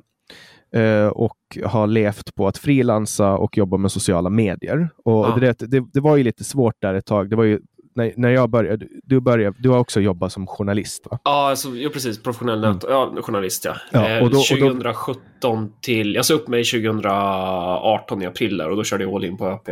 Ja, när började du? Vilka år typ? Eh, ja, så jag började ju jobba januari 2017, men jag fick inte lön förrän typ mars eller april eftersom ja, det är Chang Frick. Så det... Ja. Men jag tänker, för det här runt 2012, 2013, 2014, då var det så här, det var ju då alla lokaltidningar började lägga ner och man pratade om Ja, printdöden och Mm. alla journalister måste börja lära sig fotografera och lära sig göra video. Man måste bli multijournalist. Ja. Och, och min reaktion på, på marknaden då var att börja jobba med content på sociala medier och Facebook-annonser. Och det, gjorde, det blev ju en ganska växande marknad. Så jag har Mm. jobbat väldigt mycket med, med reklam och marknadsföring och försäljning. ja. Eh, så det har jag gjort och så har jag drivit egna bolag. Eh, så det är väl de meriterna. Men sen så här, du vet, ska man driva ett mediebolag idag som är ett startup, då vill man ha någon som kan, kan eh, reagera snabbt på, på eh, förändringar Mm. eh, och, och anpassa sig. Och jag tror att det var därför som, som valet på vd föll på mig, eftersom jag har jag kan reagera snabbt på om någonting händer. Alltså det är väl det som Mm. är tanken med, med ett media-startup. Så. Men, men det, det, är lite, det är många som tycker att det är lite underligt för att jag är 27 år gammal och du vet Expressen gick ut och kallade mig för oerfaren och, och så passar de på också kalla mig för målvakt. Så jag är en ekonomisk brottsling också. Jaha, du. Ja. Ja, de, de, de skrev det rakt ut, att du är målvakt? alltså. Okej. Ja, ja, gud ja. De skrev, de skrev att enligt källor så Ah, är målvakt. Men det är, om, det är ju ingen som får kolla upp deras källor. Nej, Det är det som är fördelen med att ha, vara, vara en... eh, var etablerad media. Exakt. Du kan, ju, du kan ju ta upp, du kan ju göra vad som helst. Det finns ju ändå ingen som kan kontrollera det någonsin. Så att, Nej. men eh, det är mycket, det är mycket. Bulletin får mycket, onödigt mycket, tycker jag. Men det, de får hålla på. Ja. Om de tycker att det är, om, om de får nöje i sitt hjärta och i sin själ av att hålla på på det sättet, så får de göra det. Mm. Jag försöker göra mitt jobb. Ja, det blir intressant att följa hur det blir med det där. Ja, det är många, det är många analyser som hittills har varit fel av, av uh, förstå sig påarna. Jo, men så är det väl ofta, att det är många som ska tycka till om saker och så har de ganska begränsat underlag.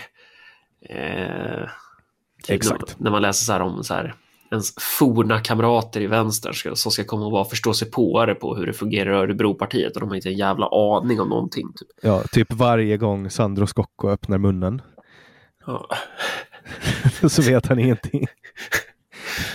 Han är ju deras chefsekonom nu, Vänsterpartiet. ja. Han är Eh. väl bara skitdålig, är han inte det?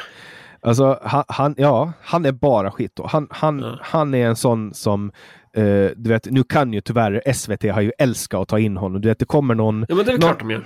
Ja, det kommer någon nationalekonom som säger så här, hörni, det här vi håller på med med pensionsfonderna, ah, det kan bli dåligt. Och sen kommer han och bara, nej, nej, nej, det här är bra. Ja. Eh, och tar in honom. Och sen bara, ah, det här med invandring, jag tror inte att det, det här kan, det är nog inte så bra det här, säger de här studierna. Och sen bara, ah, vi måste, vi ringer Sandro Scocco. Och sen bara, nej, men det hör, och så bara, du vet, så. Mm. Men nu när han har eh, erkänt färg och blivit chefsekonom för Vänsterpartiet, eller planekonom som det kallas i deras värld, då eh, kan man inte längre kalla in honom.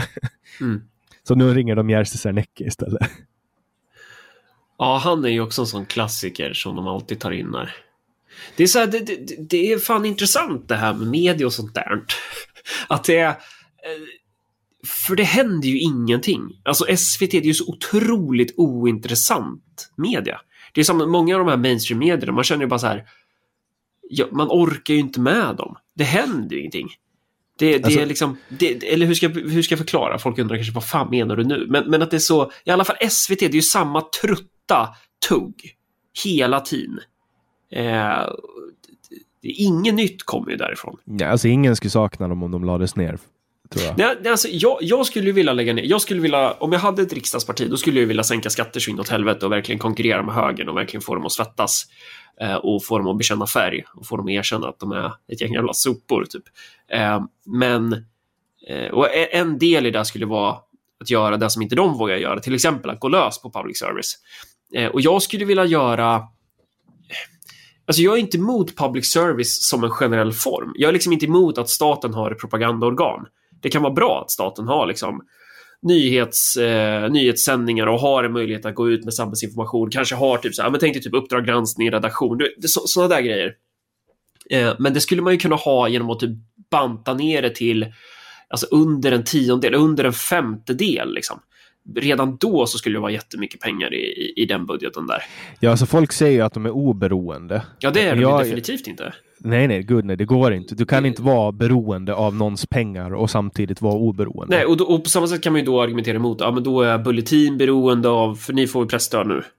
Ja, nu får vi det. Ja, eh, och jag menar, eh, och, sådär. och jag är ju liksom inget principiellt emot det heller. Eh, det- men, men, men det är, det som stör mig, det är ju att det är liksom den här klassen av, av eh, som Juholt uttrycker det, det här klägget som är, alltså den mediala eliten, den mediala adeln. Eh, som sitter där och luktar på sina jävla fingrar och bara drar in djupa andetag och bara känner liksom och dör av sig själva och känner hur jävla bra de är typ i allt de gör. Och det enda de, produ- de producerar typ en artikel om dagen. De är liksom lata. De är, precis som du förklarar med Finland för så här. Finland har varit tvungna att slita. De har varit tvungna att verkligen jobba sig upp ur skiten, ur ruinerna av kriget typ. Sveriges journalister har inte varit tvungna att göra det.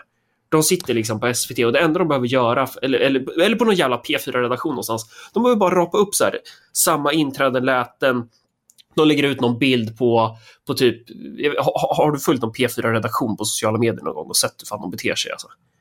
Nej, den enda Nej, men det, det är typ så här, de, de, de, står, de står i regnet med ett färgglatt paraply och så pratar de om så här, har du blivit blöt idag? Kommentera här nedan. Och sen så är det typ, eh, de missar liksom alla bollar. Det, det finns så jävla mycket korruption och fiffel i Sveriges kommuner som de här personerna skulle kunna hitta för att det är så här, inför öppen ridå. Men det händer ingenting. För det, du blir belönad i alla fall. Du får dina jävla pengar varje månad. Det är inte som om, om du jobbar på typ på så här, Nyheter Idag eller någon sån, där du har en press på dig. Jag hade tio lök i månaden på Nyheter Idag.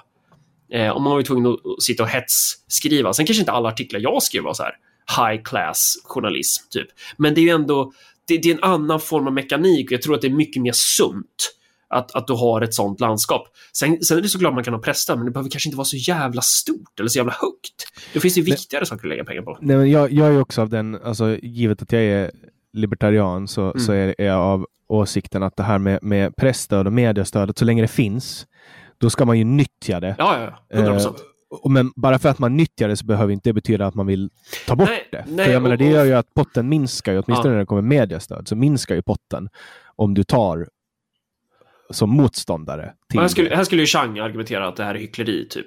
Eh, och jag, jag, jag, jag tycker att man ska söka det där pressstödet. För att, alltså, för att om man inte gör det, då går det ju bara med pressstöd i typ ETC eller något sånt där. Exakt. Eh, när Nej. mediastöd i alla fall. Sen Ja. presstöd, det är lite olika. med Ja, ja, ja, olika formerna. Men, men jag har ju sett first hand hur, hur SVT nu i den här rapporteringen om Bulletin, hur de håller på. En, en, en symptomatisk grej för hur, hur eh, lata och dåliga journalister är. Som att de har då lyssnat på en inspelning från den här eh, från den här eh, bolagsstämman. Mm. Och då har jag eh, på bolagsstämman, och man får inte spela in en bolagsstämma på det här sättet, men, men då har jag då, har jag då som, som vd avgett en rapport eh, om eh, bland annat då likviditeten i bolaget och, och, och angett hur mycket pengar bolaget hade i sin kassa efter att vi har betalat löner och sociala avgifter. Ja. Och, och vad ett bolag har i sin kassa en specifik dag Mm. är helt irrelevant en vecka senare.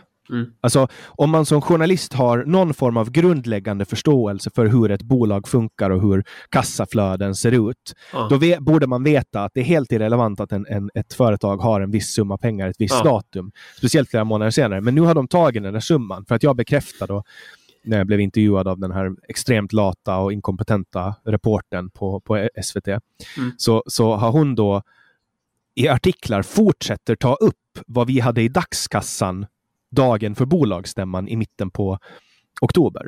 Mm. Och, och det där visar bara på att den här personen har ingen aning om Ja, men- hur ett företag funkar. Nej, men artikeln var ju skriven innan hon gjorde intervjun med dig såklart. Förstår du väl? Alltså Jo, narra- jo, men- narrativet sätts ju innan, innan de ens... Alltså, Jo, men att ta upp det flera månader senare. Det Ja, finns liksom jo. ingen relevans i vad Nej. en dagskassa var i mitten på oktober. Nej, nej, jag hajar. Om man skriver någonting i december. Det, det är... Nej. Det, Och, och, då, och, då, och, då använder de det där för att säga att pengarna är på väg att ta slut. De skriver Men sinande kassa. hur, hur, vilken typ av möjligheter har ni fått att liksom besvara anklagelsen och sådär? Alltså hur, hur har Jag- andra jag- medier varit? Jag brukar få besvara på det, men de, de tar bara med de citat som gynnar den story de har bestämt på förhand. Men du sp- spelar väl in samtalen hoppas jag? jag, du- jag, slutar, jag slutar svara i telefon, jag svarar Ja. på mail istället. Men, men de tar bara med de citat som gynnar. Eh, och om det är någonting som säger emot deras ehm, deras eh, story Narrativ, för ja. mycket, deras narrativ för mycket, Mm. då, då skriver de om citatet. Då tar de inte ut citatet direkt. Så. Eh, och och då, får man ju, då får man ju kontra med någonting bättre. Mm. Eh, det är ju det som är... Jo, jo, det, det, det är klart. Men, men man måste ju också liksom belysa varje gång de gör sådär. Det gör ju jag. Jag spelar ju alltid in journalister. För att vi, vi, all, alla är ju inte helt sjuka i huvudet, ska vi säga. Alltså, många försöker göra ett bra jobb och sådär. Eh, men, men sen har du ju vissa som verkligen är alltså, rent vidriga. Eh, och, och då är det ju bra att man spelar in det och exponerar dem. Mm. Ja, nej, men det, det, jag, jag har slutat, jag tar inte telefon alls längre med, med journalister därför att eh, en specifik eh, en specifik journalist som är Sveriges sämsta journalist genom tiderna som heter Anna Gullberg som jobbar på Expressen. Och hon- hon, har bevisat för mig att, eh, att du kan vara hur ohederlig som helst och ändå komma undan och få ha jobbet kvar. Eh, så tack vare henne så pratar inte jag med folk i telefon längre, journalister, utan jag skriver. Okej. För hon, hon, hon, ja, hon vrider och vänder på det är, det är fruktansvärt, alltså sättet som, som, som media... Och jag har ändå haft en, jag har ju jobbat som journalist alltså. Och jag har en hög, eh, ett högt förtroende för Mm. branschen. För att de journalister jag har jobbat med, Mm. de har varit jävligt duktiga. Jo, jo, jo. Och, och, och det är då man märker också när man har fått jobba lite på den, på den sidan, typ om man har fått skriva några artiklar. Jag har ju inte jobbat i tio år, absolut inte, men, jag fick ju ändå sitta och skriva lite artiklar och göra lite intervjuer och göra lite research och sådär. Ehm, och då, och så jävla mycket raketvetenskap är det faktiskt inte. Det, det, man får ju en annan förmåga att se då vilka jävla fulknep etablerade medier gör. Precis som du säger det här, när man, jag menar, sätter man ut, lämnar viss information på, sätter man vinklar, sätter man använder vissa citat och sådär. Allt det där är ju tekniker. Och, och det där sker ju inte av en slump, utan det där är medvetet. Och det är ju för att man driver en viss agenda. Mm. Ehm, Ja, ja, det där är så jä- jävla enkelt. Det är ett, Mm. ett jättebra sätt att illustrera det. Det är ju att jag frågar dig, har, har, du, börjat, har du börjat deklarera eh, korrekt än nu? Ja, precis. Du vet, du, vad, vad Du kan, du man kan inte svara rätt på den. Nej. Nej, och, och det, där, det, där är, det är ett väldigt uppenbart Jag, fick, fall. du- jag har ju eh, Eva Eideholt på Nerikes Allehanda. Man, man kan söka på Marcus Allard Nerikes Allehanda på YouTube och då, då får man höra ehm, det var som så, när coronan slog till eh, så delade jag, jag, jag, eftersom jag är en hemsk populist så eh, halverar jag ju min egen politikerlön. Jag har ju försökt att halvera alla politikerlöner i kommunen. Eh, men häpnadsväckande nog så var det ju inget annat parti som röstade för det. Då. Så då försökte vi sänka till 60 procent av lönenivån, sen 70 procent, sen 80 procent och sen 90 procent. Och endast i fallet när det var 90 procent, då röstade SD med. Vänsterpartiet och Miljöpartiet som står och vevar om att de vill ha sänkta politikerlöner, de röstar inte med oss. Någon, ja, men Vänsterpartiet har ju sin partiskatt och då, då slutar ju, de, då kan de ju inte skänka pengar till Venezuela. Precis, och det var ju så de förklarade att så här, vi, vi ger pengarna eh, det är fan värre, de ger pengarna till sig själva ju. Det hade varit bättre om de skänkte till den jävla idiotregimen i Venezuela. Typ. Men, men de, eh, precis, de tar ut partiskatt. Eh, och jag förstår ju inte hur det här gynnar örebroarna. Så. Men, men att de, de är... Eh, hur som helst, jag avsätter massa pengar av min politikerlön då eh, för att då liksom visa på att jo, men det går visst att jobba till den här jävla lönenivån. Så. Eh, och då köpte jag bland annat skyddsutrustning när corona slog till. Så åkte jag runt och delade ut så här, skyddsutrustning till äldreboendena för de hade ju ingen skyddsutrustning och det här var ju liksom innan vi riktigt visste så här, hur hur farligt är det här viruset och vad är det för typ av åtgärder vi ska göra? Men någonstans måste man kunna räkna ut med arslet att ja, men det är nog ganska bra om man har lite visir och munskydd och sånt här på äldreboenden, alltså riskgrupper. Typ. Och ja, man, kommer ganska, man kommer ganska långt med sunt förnuft. Ja, precis. Och de här undersköterskorna de var jättetacksamma och det var ju jättebra och de berättade liksom hur kommunen har försökt gömma undan. Alltså, de åker ju runt och samlar in utrustning och samlar det i ett centralt lager och det var så här, det var så jävla vidrigt hur kommunen höll på och det var jättemycket så här hysch hysch för att ja, men hur, hur ska det se ut om vi går före och vi måste ju så här, vi ska samla allt det här i ett centrallager ifall några andra kommuner som behöver och så här. Så folk som donerade utrustning, den utrustningen kom ju inte ut i verksamheten. Och, och det är den här den jävla inkompetenta idioten i offentliga sektor återigen då. Men då i alla fall när vi hade delat ut utrustning eh, på ett äldreboende så då ringer ju, då, då var det också att jag hade krävt att jag ville få en lista, för jag sitter i kommunstyrelsen eh, för Örebro och då ville jag ha en lista på hur ser det egentligen ut med skyddsutrustning? När köpte vi in det? Hur, hur, hur har man gjort? För jag hade ju en aning om att de här människorna som styrde kommunen satt och bara var lata och inte hade gjort någonting trots att vi hade typ fyra, fem veckor på oss att liksom agera innan det verkligen slog till i Örebro. Staffanstorp var ju väldigt snabba med det där till exempel. De köpte ju in så här en massa handsprit och skyddsutrustning väldigt tidigt. Och det satt ju de i kommunstyrelsen i Örebro och raljerade över så här, att Sonesson och de, de är så tokiga nere i Staffanstorp som springer före och så där. Så kan man inte göra.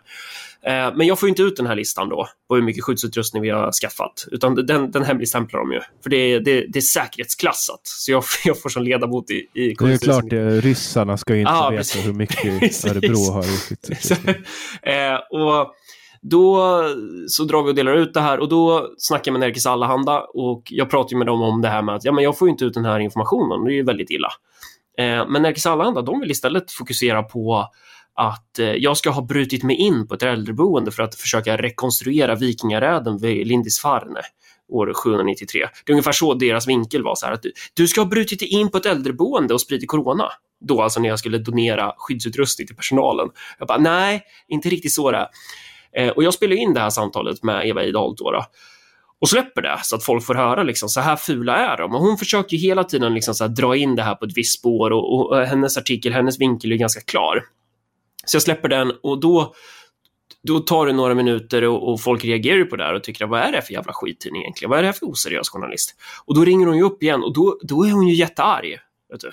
Eh, och, och, skriker på mig att så, så där, det var fult gjort, så där kan du inte göra och så är hon ursinnig. Och då spelar jag in det också, och så lägger jag ut det också då, så folk får höra då hur, hur journalisten är. Och då, då blev hon väl ännu mer arg. Och så gick det några månader Eh, och sen så skulle de då göra ett personporträtt på mig och jag förstod väl någonstans att ah, men det här kommer ju bli intressant, men vi ställer upp på det här för det kan vara det kan finnas ett värde i att låta dem göra det här. Liksom. Men de, det personporträttet, det är inte så här, du vet när du smädar metodologiskt, det är, det är ju en det är ju en konst att kunna smäda. Typ. Mm. Att, att göra det utan att det märks att du gör det, om man säger så. Mm. Uh, men det här var verkligen så här bara ett slarvigt försök till yxjobb. Och det stod saker i den där artikeln jag fick läsa igenom den. Hon vägrade skicka den, jag var tvungen att sitta med henne och hon satt och flinade hela tiden uh, och bara njöt, typ. Och jag bara så här, koll, läste igenom den där jävla artikeln hon hade skrivit saker som typ uh, att det var någon, som hon menar, någon i Peter Springares hatsvans eller något sånt där, som skulle ha skickat då en, en så snara till någon journalist, eller något sånt stod det. eller om det var något, något sånt här typ att eh, Peter Springares hatsvans har för vana att dödshota journalister. Och sen nästa mening. Marcus Allard och Peter Springare finner varandra direkt. Alltså det är på den nivån var det.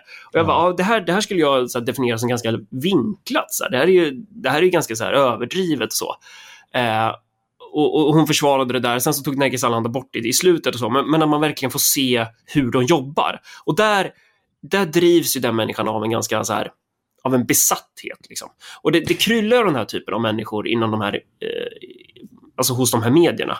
Eh, och Nerikes Allehanda har ju drivit en smädningskampanj mot Örebropartiet länge. Alltså vi är ju i princip i krig med dem. De är ju, de är ju att betrakta som någon form av parti nästan. För att de är ju en, liksom en aktör som är en part i målet i den lokala politiken. De håller ryggen på styret, de beter sig jävligt illa och det är liksom en smädningsartikel om Örebropartiet var och varannan vecka. Eh, och det handlar ju om att det är personligt. Mm. Eh, och, och, och, jag, tror att, jag tror att det viktiga, förlåt, innan du ska få kom, komma in och säga någonting i din, i din egna podd här. Nej, så... jag bara, jag, det, det, här är bra innan. Ja. Jag sitter bara och ummar med nu. okay, Fortsätt.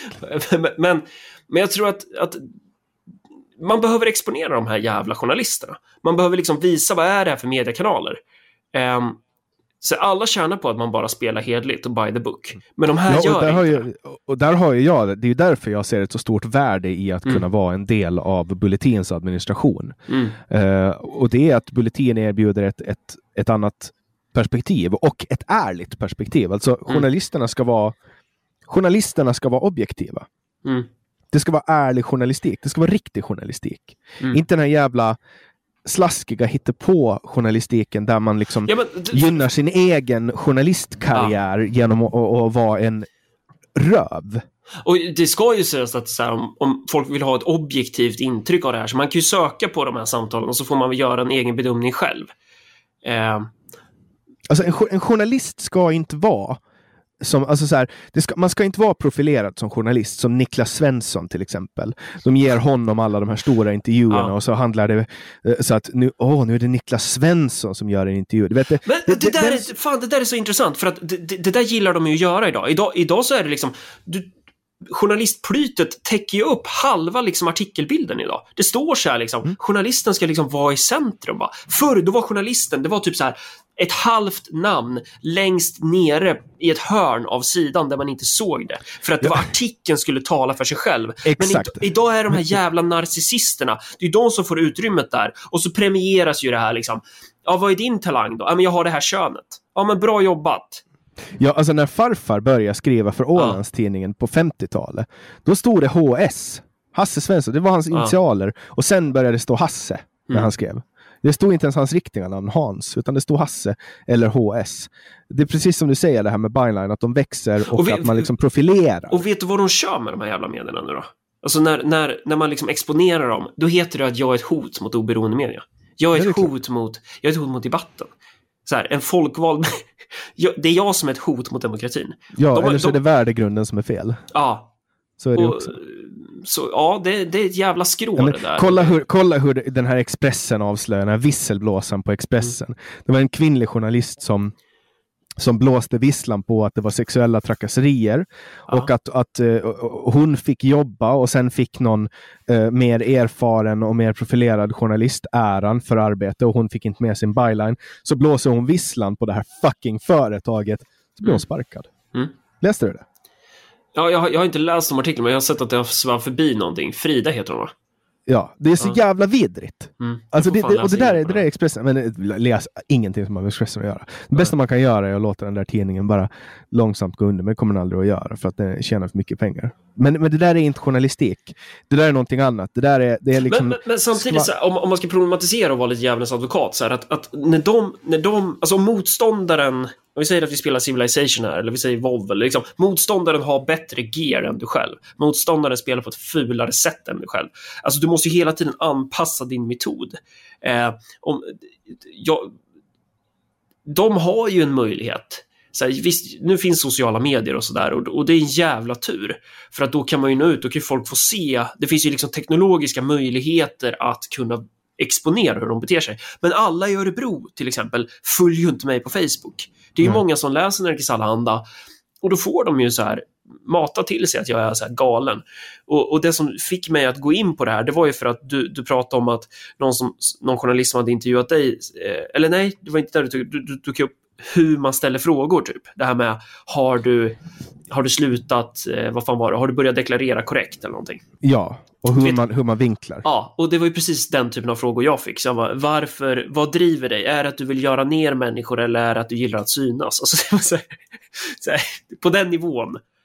Ehm, och ja, Nej, men det, där är, det där är också så här, hur, hur de till exempel, hur, hur Expressen gjorde det här. Här var liksom, jag började jobba som vd på i september någon gång.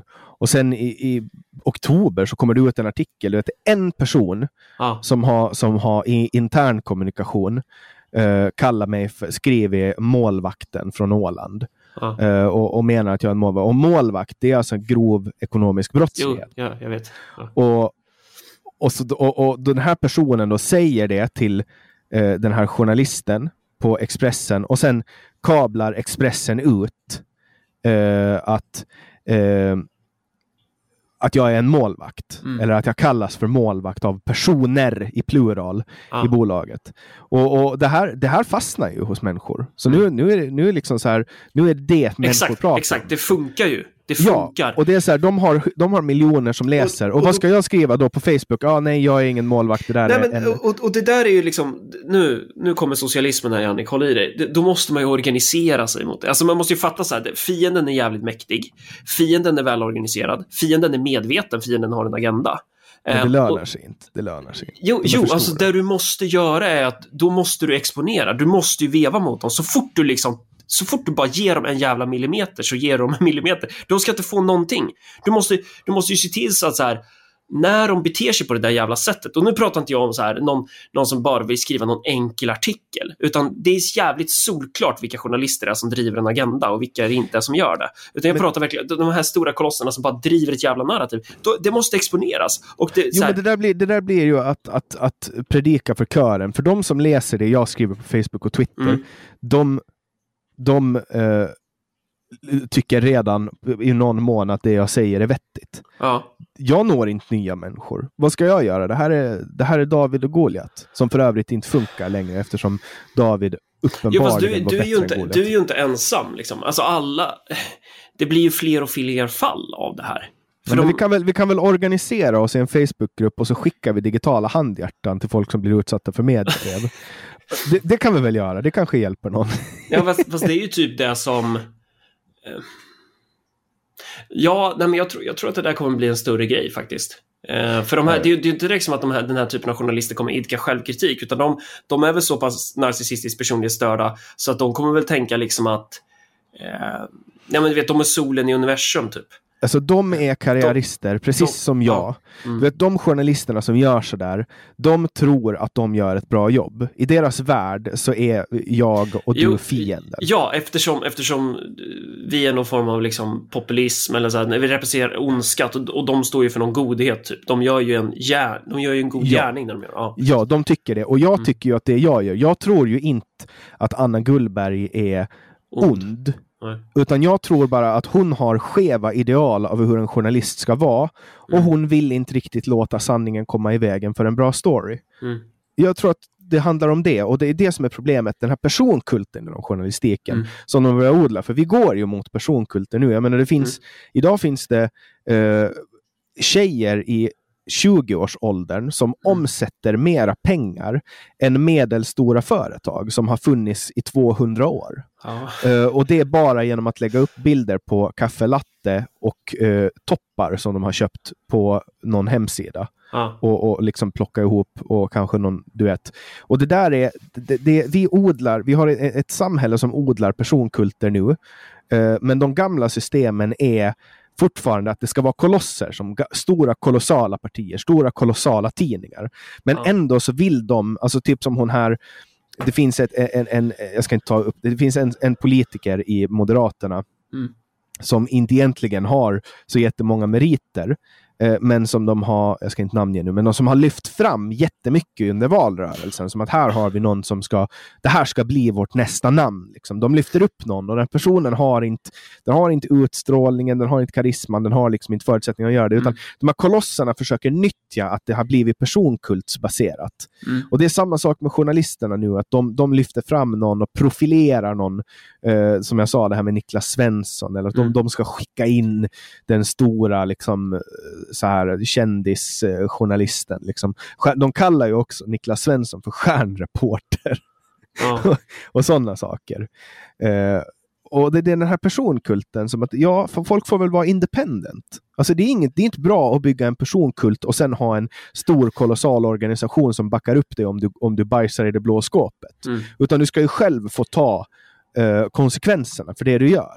Mm. Jag menar, om jag börjar anmäla Anna Gullberg för förtal, vilket jag säkert skulle kunna göra, eller till någon pressetisk nämnd, eh, så kommer hon bara att bli uppbackad av Expressen. De kommer att backa upp henne alla dagar i veckan. Men det är, hon också så, det är också så viktigt att skilja på liksom för argumenten man får emot sig när man kritiserar journalister som, som missbrukar sin makt är ju att, att det är ett hot mot det fria ordet att kritisera. Typ.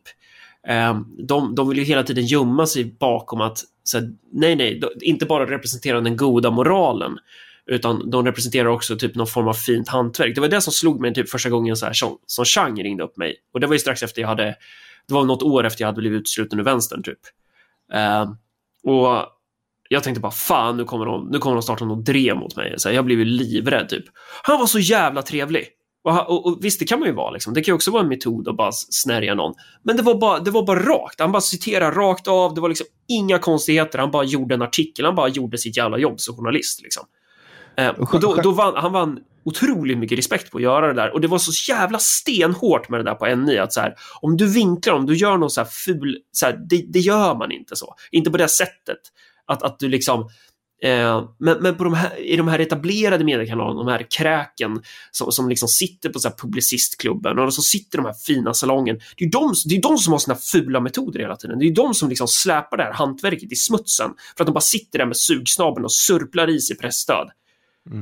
Och, och, är, och är sämst. Liksom. Ja, men också gör de det på egen vinning. Alltså som typ, vi tar Anna Gullberg igen. Hon ökar sitt eh, varumärke genom att skriva de här artiklarna på Expressen och så går hon runt. Jag tror, och, jag tror aldrig jag har haft med henne att göra. nej, men hon, går, hon, hon går runt och så får hon bokkontrakt för att skriva böcker om folk och så Aha. liksom blåser hon upp sitt eget personliga varumärke eh, genom det här. Men samtidigt så ska hon liksom balansera på att hon har något fint namn för att hon sitter med i massa etiska kommittéer och Mm. så vidare. Och det är ju det som, som folk har, ha- nu Det var ju flera som gjorde spin-offs på hennes skitkastningskarriär eller skitkastningsförsök mot Bulletin genom att säga att hon är liksom företrädare för det pressetiska systemet och så vidare. och så vidare. Eh, att det, det där är liksom Uh, bara för att du sminkar en gris så betyder det inte det att det, alltså, du förstår vad jag menar. Att det där är liksom, uh, jag har så mycket, ja det kokar i mig när jag tänker på henne. Hon är, alltså, jag har ju pratat med henne på telefon flera gånger och hon är liksom, det, det, och, Och, och det här kommer du ju inte hitta hos etablerade partier till exempel. Alltså de, de, de betraktar ju media som någon form av neutral institution, inte som liksom aktörer med klassintressen. De försöker ju ha fred med de här medierna. Det är därför de är livrädda för att ge sig på public service och det, pressar. där- det För där är de- ungefär som att du, du slår inte din mästare. Alltså, så här- Exakt, de är, exakt, och det är jävligt viktigt att påpeka det. Så här, de här riksdagspartierna vi har idag, de har fan inga cojones överhuvudtaget. De är livrädda. De är fan livrädda. Och det, det, det är en sak att vara livrädd för någon med, någon, för någon med talang, men fan, de här jävla soporna i Sveriges journalistkår, vad fan är det att vara livrädd för? Vad säger det om våra pissiga jävla soppolitiker? Att de, är, att de är livrädda för de här journalisterna. Ja, det är ungefär som när, när det blir val och alla partier får samma annonspriser. Mm. För att det ska vara lika för alla. Det där är ju också så här, tidningarna är så jävla rädda för att blanda ihop sig med politiska partier. Att de, att de kan inte Men- förhandla men- med den som men vill betala är- mera. Det är också samma, det är också samma klientel någonstans. Att, att så här, om du tittar på ja, men, politiska sekreterare på den kommunala nivån hos ja, men, TAN, nej vad fan blir det, gallpartierna typ primärt. Så alltså, de flesta där har ju jobbat som journalister inom typ P4, SVT eller typ en så här, mittmedia, så här, NRK Allehanda och sånt där.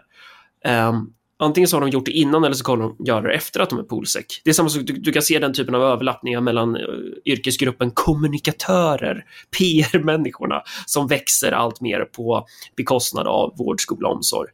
Um, det här är ju samma typ av klientel och det är där du har de här uh, liksom banden. Det är ju personliga band. Det finns ju något personligt i att, att se till att uppstickare, liksom, att, att man ska trycka ner dem. typ.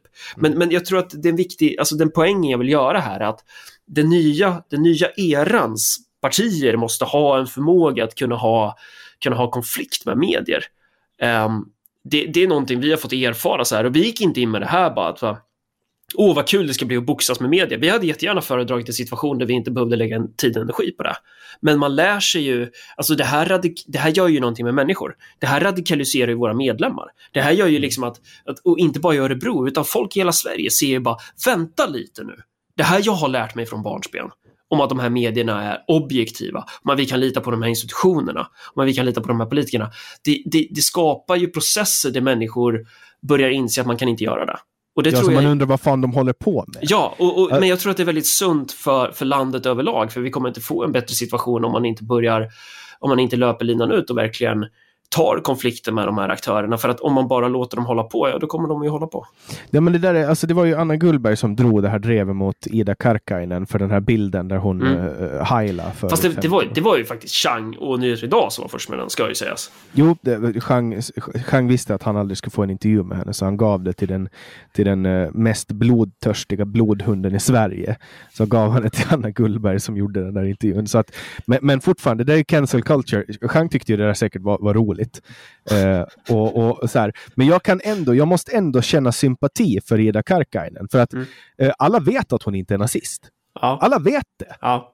Men ändå, vi ska inte låta det här komma. Nu, nu fick vi henne. Hon ja. visste inte när hon var vad hon var på den här bilden, jo, 16, att, att hon skulle bli minister 15 år senare. Jo, Där fick hon. Och jag tror att Changs poäng var väl just det här med att så här, vi har ett etablissemang som drevar mot Sverigedemokraterna för att eh, de hade medlemmar som gick omkring i liksom, Dr. Martins bombajackor och var liksom, ja men, nassar typ. Eh, och, och de har en bakgrund som alla vet är jävligt oskön. Men det betyder ju inte att, att all deras politik idag är nazistisk. Det betyder ju inte att de är nazister idag. Så här, Vänsterpartiet har osköna rötter också. Eh, det betyder inte att de är kommunister, tvärtom. Att, att det är liksom och det, det, är väl det som då han vill... För Chang, är det något som gör att Chang går igång så är det ju hyckleriet. Och det är väl det som är intressant då. Att, ponera, att det var en, ponera att det var en bild på Jimmy Åkesson där han sitter och heilar. Det hade ju liksom varit, det hade ju smält på ett annat sätt. Ja, det hade ju blivit riksrättegång. Det hade ju, ja. det hade ju blivit sen, sen tycker jag så här, jag, så här, ja, men det väl ganska många så här som har typ heilat på fyllan och har varit tonåringar. Typ, och det, så här, det var en rolig och spännande grej. Eh, och, och det är liksom men alla fattar ju att det var, det är så här. Ja, Karkiainen var nog inte Nasse, precis som du säger. Men... Jag tror att alla, mm. uteslutande varenda mm. lokalpolitiker i hela Sverige och i hela riksdagen och i länsting, i nämnder, 100 procent av alla politiker som någonsin har funnits, som finns idag och ja. som någonsin kommer att finnas, kommer att ha åtminstone saker som om når, mens, som når medias ljus kommer mm. att deplattformera dem. Mm. Alla har det. Alla har det. Det är ungefär som att säga att man inte onanerar. Alla gör det. På något sätt. Även om, om, även om du hittar den mest kyska varit... flickan, skolflickan, körflickan som finns, ja. så kommer hon att ligga och gnida sig på natten mot lakanet. Utan att hon vet om det. Alla gör det. Det var, jag tror, fan, jag har för mig att Reinfeldt fick någon sån här fråga om han typ kollar på porr eller något. Jag har för mig att han sa att han inte, han har gjort det men han gör det inte. Att det är någon sån där, Reinfeldt manifesterar ju någon form av den här eh, den, den, alltså den här idén om den perfekta politikern så som jag tror att vi kommer få motsatsen till det i framtiden. Att, att han, man frågar Reinfeldt så här, vad, vad, vad, din, vad är din hobby? Reinfeldt svarar, jag gillar att dammsuga för jag gillar ordning och reda. Jag tycker det är väldigt trevligt att dammsuga. Alltså det är så här, det är bara så fake. Mm. Eh, och bara så här, har du kollat, kollar du på porr? Nej, det gör jag inte. Alltså, visst, han kanske inte gör det, men, men att det, det, jag säger det här som ett exempel för att illustrera någonstans. Jag tror att den här typen av att det skulle vara eftersträvansvärt att, att ha politiker som ska vara perfekta det är ohållbart och jag tror att vi kommer gå in i en tid där vi kommer få liksom, politiker som inte skäms för att säga att man, är, att man inte är en jävla ängel. För att mm. citera Karkiainens pojkväns band Rauptier. Alltså, vi, vi, är inga änglar. Lyssnar du på Rauptier eller? Nej, jag har inte lyssnat på dem. Det är jävligt bra musik. Det, det blir ju någon sån diskussion om att det är högerextremt nu också. Ja, jag, var, jag, var, jag, var på, jag jobbade som ordningsvakt på en festival en sommar och då kom ja. Sabaton dit. Ja. Och, då, och då såg jag hur fruktansvärt dedikerade följare de hade. Alltså det var så här, de hade ju folk som kom från hela fucking Skandinavien och Europa för att titta. Jag har aldrig sett Sabaton live, men jag lyssnar jävligt mycket på dem också. Ja, men då, då lyssnar jag på lite. Då har jag lyssnat lite på. Jag tycker att de har intressanta aspekter. De har ju lyft in mycket historia och sånt ja. som, som populärkulturen tenderar att glömma. Ja. Vi har ju glömt allting från 60-talet och före. Liksom. Uh, så, så det kan jag tycka är lite intressant. Mm.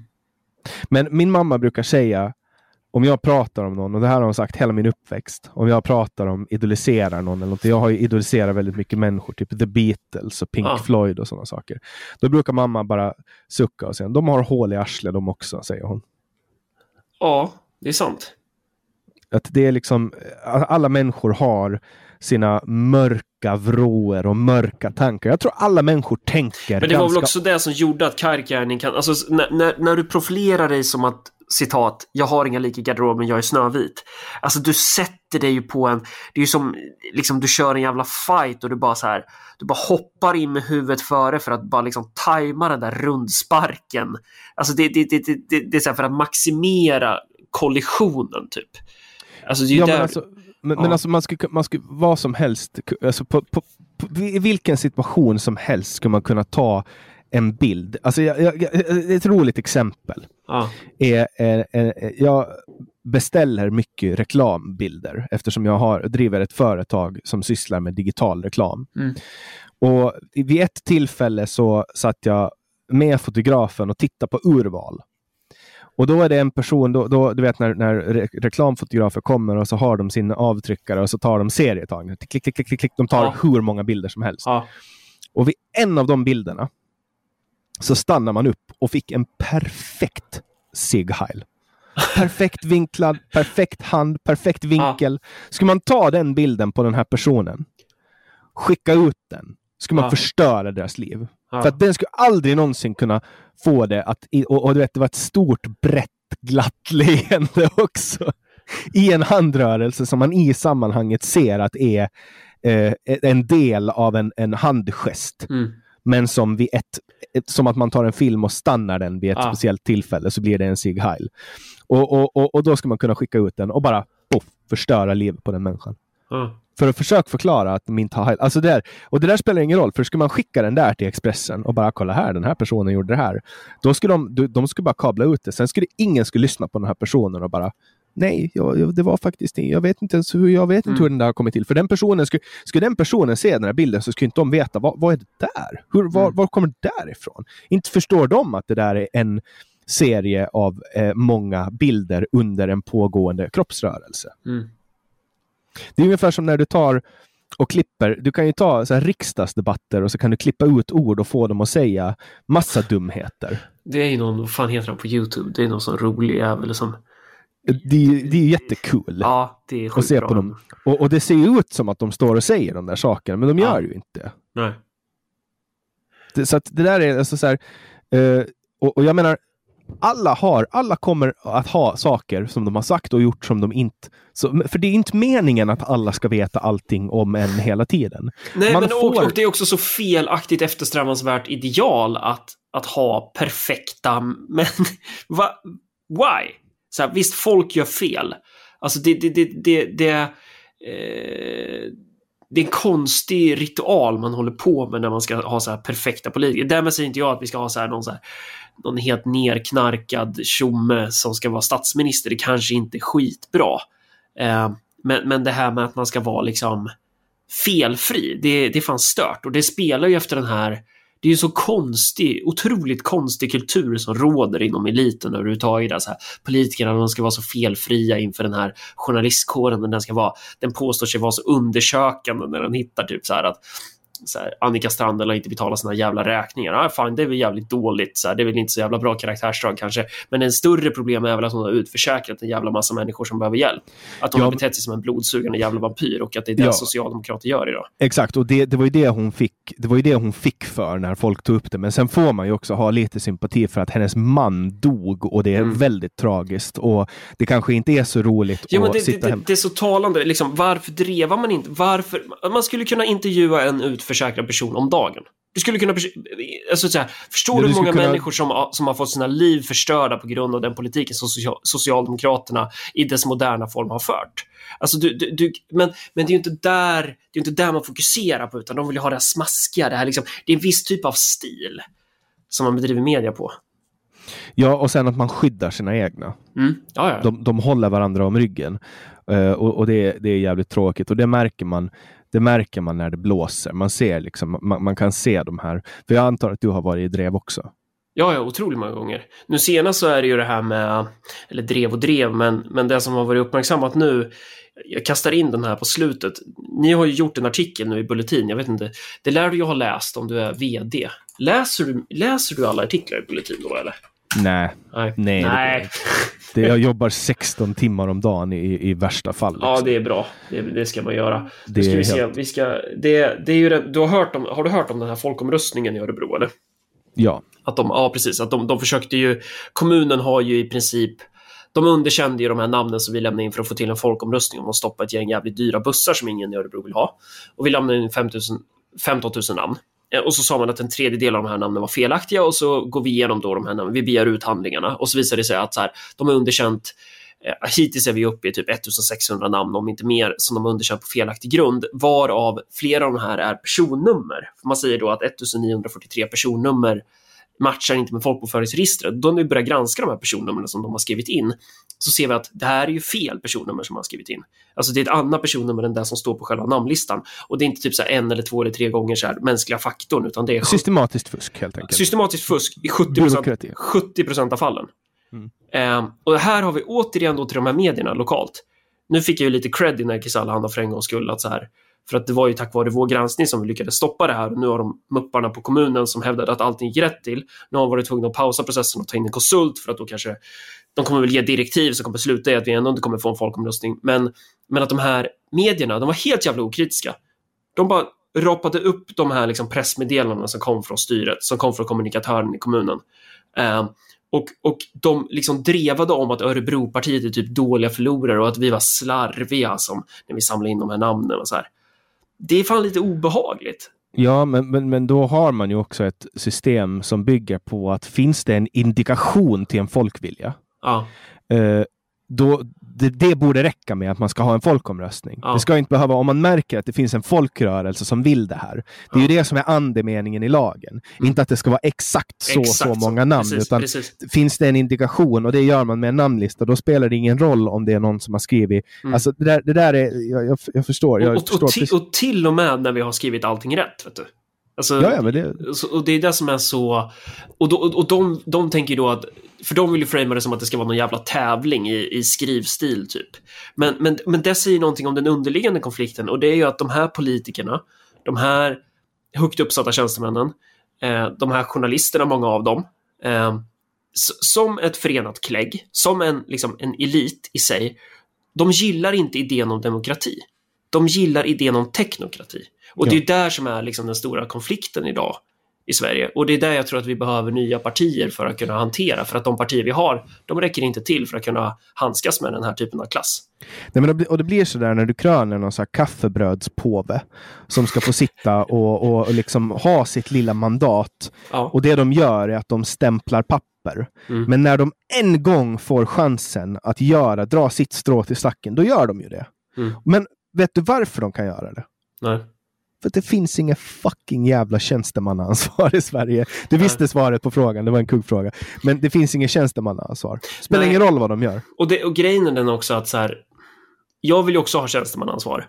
Men jag, men jag vill inte, varenda gång någon tar upp det så måste jag ändå säga, ja det är jättebra med tjänstemannaansvar, men, men vi har ingen politikeransvar i Sverige heller. Och det, problemet är att du skulle i princip kunna implementera tjänstemannansvar tjänstemannaansvar utan att ha det i lagen. Alltså du skulle kunna disciplinera tjänstemän om det fanns ett tryck på politikerna att göra det. Men avsaknaden av tjänstemannaansvar fungerar idag som ett alibi för politiker att, att inte göra någonting.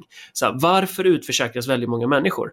Nej, jag vet inte, jag har ingen makt över det. Men du är ju ansvarig politiker. Ja, men om vi bara hade tjänstemannaansvar. Alltså det, det, det, är den typen av svar du får. Det här blir ett alibi för att de här politikerna ska stå bredvid och låta saker gå sin gång. Jo, men koll, kolla på bara ett, det exemplet. Ja. Det är alltså, Egypten plågades ju av sju plågor. Mm. Det var så här gräshoppor och svält och översvämningar. Sverige har, har haft det. Alltså Dan Eliasson. Mm. Och när han kommer in och, och drar, drar genom de här myndigheterna som en destroyer från Som- framtiden. Som gräshoppor i Egypten. Exakt, som gräshoppor, svält och grodor. Som kom, det kom ju grodor också, så här, och vattnet, för, alltså massa sånt skit. Och han går myndighet efter myndighet efter myndighet och bara förstör den. Ja. Och vad fick han nu? Ja, han får en lön som motsvarar den här direktörslönen han har. Eh, han jobbar vid regeringskansliet, men har inget jobb. Men han placeras där. Han är, han är, liksom inbakad. elefantkyrkogården. va? Ja, så han är inbakad i någon så här kontrakt som Ja. inte går att få bort. Det fanns ett ord för det där förr, det kallades adel. Ja, ja, och adel, de var ju frälse. Från, det hette ju frälse Mm. för att de var frälsta från skatt. De här är ju frälsta från ansvar. Mm. Precis. Det är ju en ny adel. Mm. Socialdemokrater. Det där, men, men man tänker så här. Ja, Dan och då- Eliasson det- har ju antagligen, han har ju antagligen varit med och liksom uh, putsa bort uh, något mord som, som de har gjort på någon partikongress i Socialdemokraterna. Han har varit med och städa upp efter det. För annars kan man ju inte, annars kan man ju inte ha sån en framgång som han har haft. Nej, det är fan spännande. Eh, men, men så här, jag vill bara poängtera att jag tycker att de är lika jävla vidriga allihop, de flesta partierna i riksdagen. Eh, Ja, det är kanske- systemet som gör det. Det är Ja, systemet precis. som skapar Ja, det. men- Du men får det ditt blir jobb. också, Det blir också ett problem. Jag vill inte bli så. Jag tänker inte bli så, sitter jag här nu och säger. Jag, jag, tänker, men- inte, jag tänker inte bli så där. Jag, jag vill ju ha en annan typ av partier. Vi behöver ju partier som istället för att kämpa för att bli en del av det där jävla elitklägget så måste man ju kämpa för att avskaffa det där jävla elitklägget. Så vad får du i lön nu? Nu får jag just nu den här månaden är det 69 och 9 men nästa månad så blir det 71 500 lök i månaden. Men vad då får du lika mycket som en, en exakt lika mycket som en riksdagsledamot? Ja. Eh, Varför? Är, är det 100 procent? Nej, det, är den, det är den nivån som kommunpolitikerna har satt. Så vi har 100 procent av riksdagsledamöterna och det var ju där vi försökte sänka då. Det är, och, och det, det är alltså så här. Okej, men då, då för jag, jag, jag förväntar mig att du skulle säga typ så här. Ja, men jag får 30 000. Nej, nej, nej. Alltså det, vi vill ju att, att lönerna ska vara i ett spann mellan 30 till 50, där någonstans. Eh, Lite beroende på vad du har för ansvar. Ehm, och, och, och syftet med att trycka ner de där lönerna, det är dels att vi kan spara en massa miljoner på det, men framförallt för att det argumentet jag får emot mig från de här jävla klåparna är ju, men vad skulle vi få för politiker då? Och det, det är exakt det som är svaret på min fråga. Att jag tror att en annan typ av människor som söker sig till politiken då, människor som kanske vill göra något för samhället typ. Men jag kanske är romantisk och naiv. Men för att det är ett jävligt lätt sätt att tjäna pengar. Alltså det är så här, gå in, flina, le, eh, slicka uppåt, sparka neråt. Du kommer göra en karriär liksom. Ja, och det, och det, det jag skulle komma till, jag, Mm. förväntar mig, du, det var meningen att du skulle säga ja, 30 och då skulle jag säga så här, ja men tänk dig då att du får jobb, tänk dig då att du får 69 900 kronor, vilket är exakt det du har. Ja. Men, men vi gör så här då. Och sen då sitter, du i ett utskott och så får du 20 procent på det, så har du 84 000 ungefär. Ja. Om vi tar då en person som kanske har jobbat med någon, jag vet inte vad mäns, människor inom vänstern, de jobbar ju ofta i någon förening eller i, ko- i kommunala sektorn. Eller i offentliga Ideologi, sektorn. ideologiproduktion. och Ja, så, och säg kanske att de får så här 28 000. Och helt plötsligt så får du 84 000. Mm. Och så får du en övernattningsbostad i Stockholm. Du får åka hur mycket tåg och flyg och hur Ja, men jag, jag har ju gjort det. Alltså jag, jag tjänade 10 000 på nyheter idag i månaden. Och sen, sen fick Tänk- jag tänk 65. att- liksom. Tänk att hoppa tillbaks till det. Ja. Du kommer automatiskt som människa Mm. att börja strida för att fortsätta behålla det du har fått. Ja. Därför att folk säger, vet du, det är också så här, folk säger att man får lön i riksdagen. Det stämmer inte, arvode. Ja. Det är stor skillnad på arvode och lön, därför att lön är någonting du får för, eh, för ett Insats. Mm. Exakt. Men arvode är någonting som delas ut för att Precis. du har fått ett förtroendeuppdrag. Och, och jag har ju ar, arvode. Har jag. Mm. Och det är ju ett uppdrag. Mm. Och det är det som är skillnaden på ett jobb. Det ska inte vara ett jobb, utan det är ett uppdrag. Det där är ungefär som att Frodo och, och Samwise går just till, till Mordor med ringen. Det är ett uppdrag. It's Ja. a mission, it's a quest. De får betalt för det. De får ett arvode för det.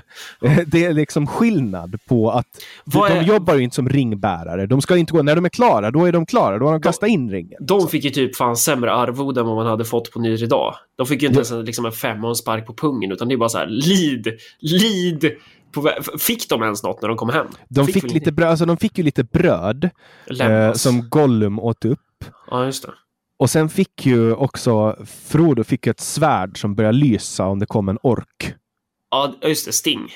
Ja, och sen fick han väl någon sån här ringbringa också som han fick bära. Mithril. Ja, han fick ju fan Mithril. Det är fan sant. Ja, det, så han fick ju lite epic artifacts. Ja, det är fan sant. Men, men vad fick Sam? Ja, han fick en femma och en spark på pungen, typ.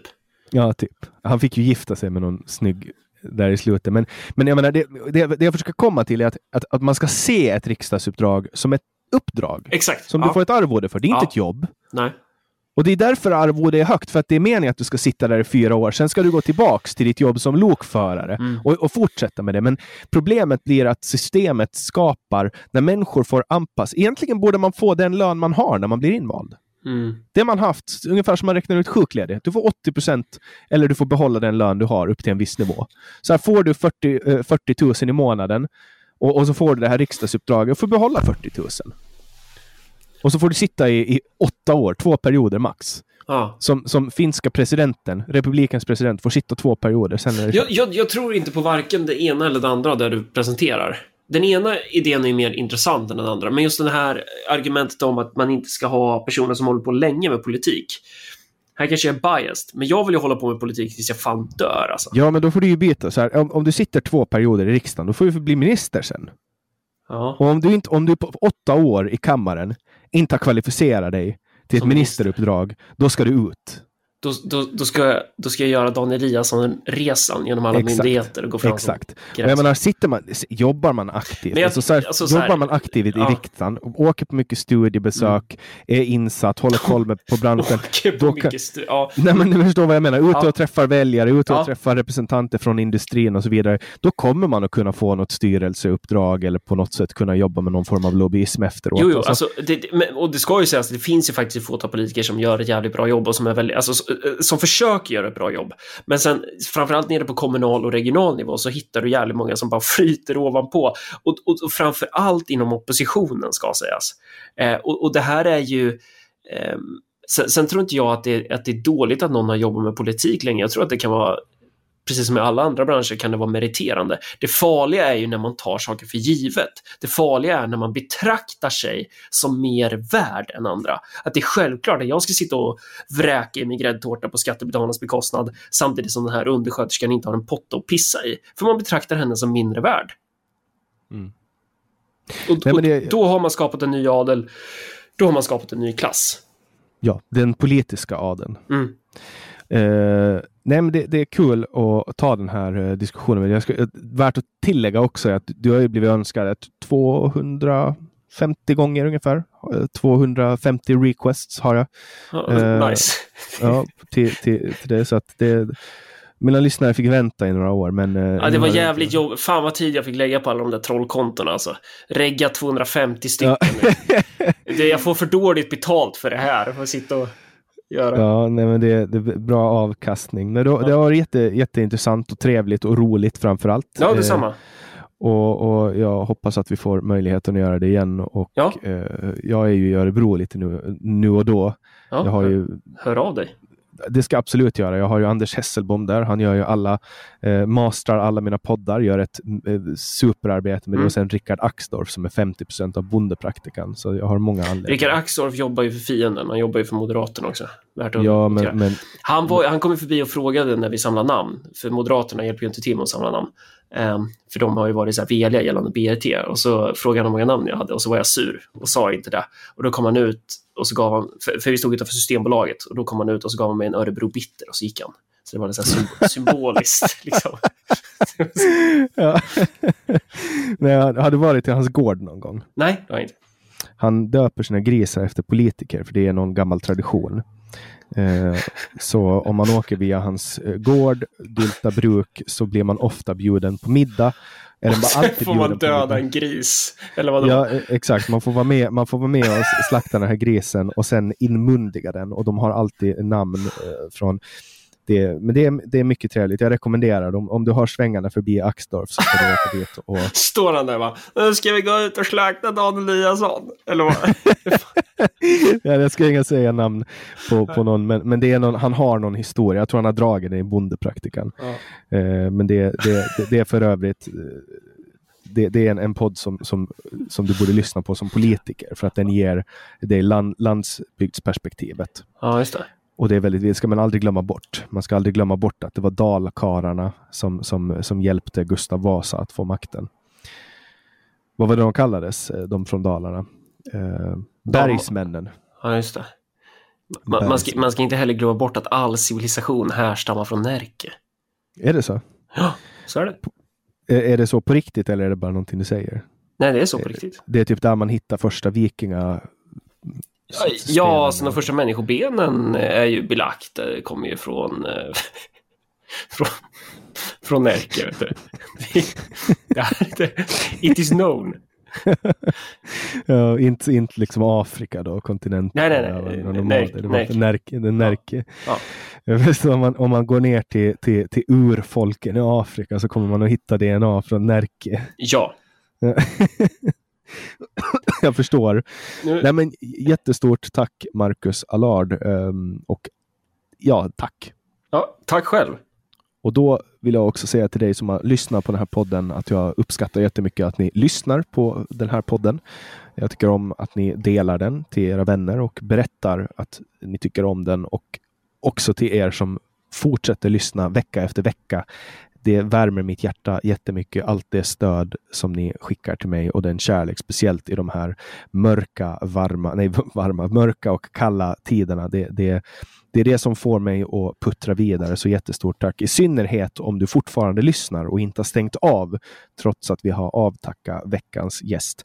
Så vill jag också påminna dig om att eh, jag släpper nya samtal alla onsdagar året runt och att du kan önska gäster genom att gå in på min hemsida www.samtal.ax. Där hittar du ett litet formulär som du kan fylla i och jag tittar regelbundet på vem ni önskar och ibland får det vänta sig 250 önskemål förrän, förrän det klickar in en gäst. Men så kan det gå och eh, återigen stort, stort tack.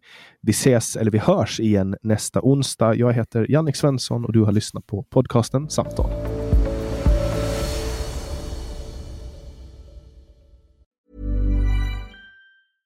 Selling a little or a lot? Shopify helps you do your thing however you cha-ching. Shopify is the global commerce platform that helps you sell at every stage of your business. From the launch your online shop stage to the first real life store stage, all the way to the did we just hit a million orders stage. Shopify is there to help you grow. Shopify helps you turn browsers into buyers with the internet's best converting checkout. 36% better on average compared to other leading commerce platforms because businesses that grow grow with Shopify. Get a $1 per month trial period at shopify.com/work. shopify.com/work. Planning for your next trip? Elevate your travel style with Quince. Quince has all the jet-setting essentials you'll want for your next getaway, like European linen, premium luggage options, buttery soft Italian leather bags, and so much more. And it's all priced at 50 to 80% less than similar brands. Plus, Quince only works with factories that use safe and ethical manufacturing practices. Pack your bags with high-quality essentials you'll be wearing for vacations to come with Quince. Go to quince.com slash trip for free shipping and 365-day returns. Ever catch yourself eating the same flavorless dinner three days in a row? Dreaming of something better? Well, HelloFresh is your guilt-free dream come true, baby. It's me, Gigi Palmer. Let's wake up those taste buds with hot, juicy pecan-crusted chicken or garlic butter shrimp scampi. Mm. Hello Fresh. Stop dreaming of all the delicious possibilities and dig in at HelloFresh.com. Let's get this dinner party started.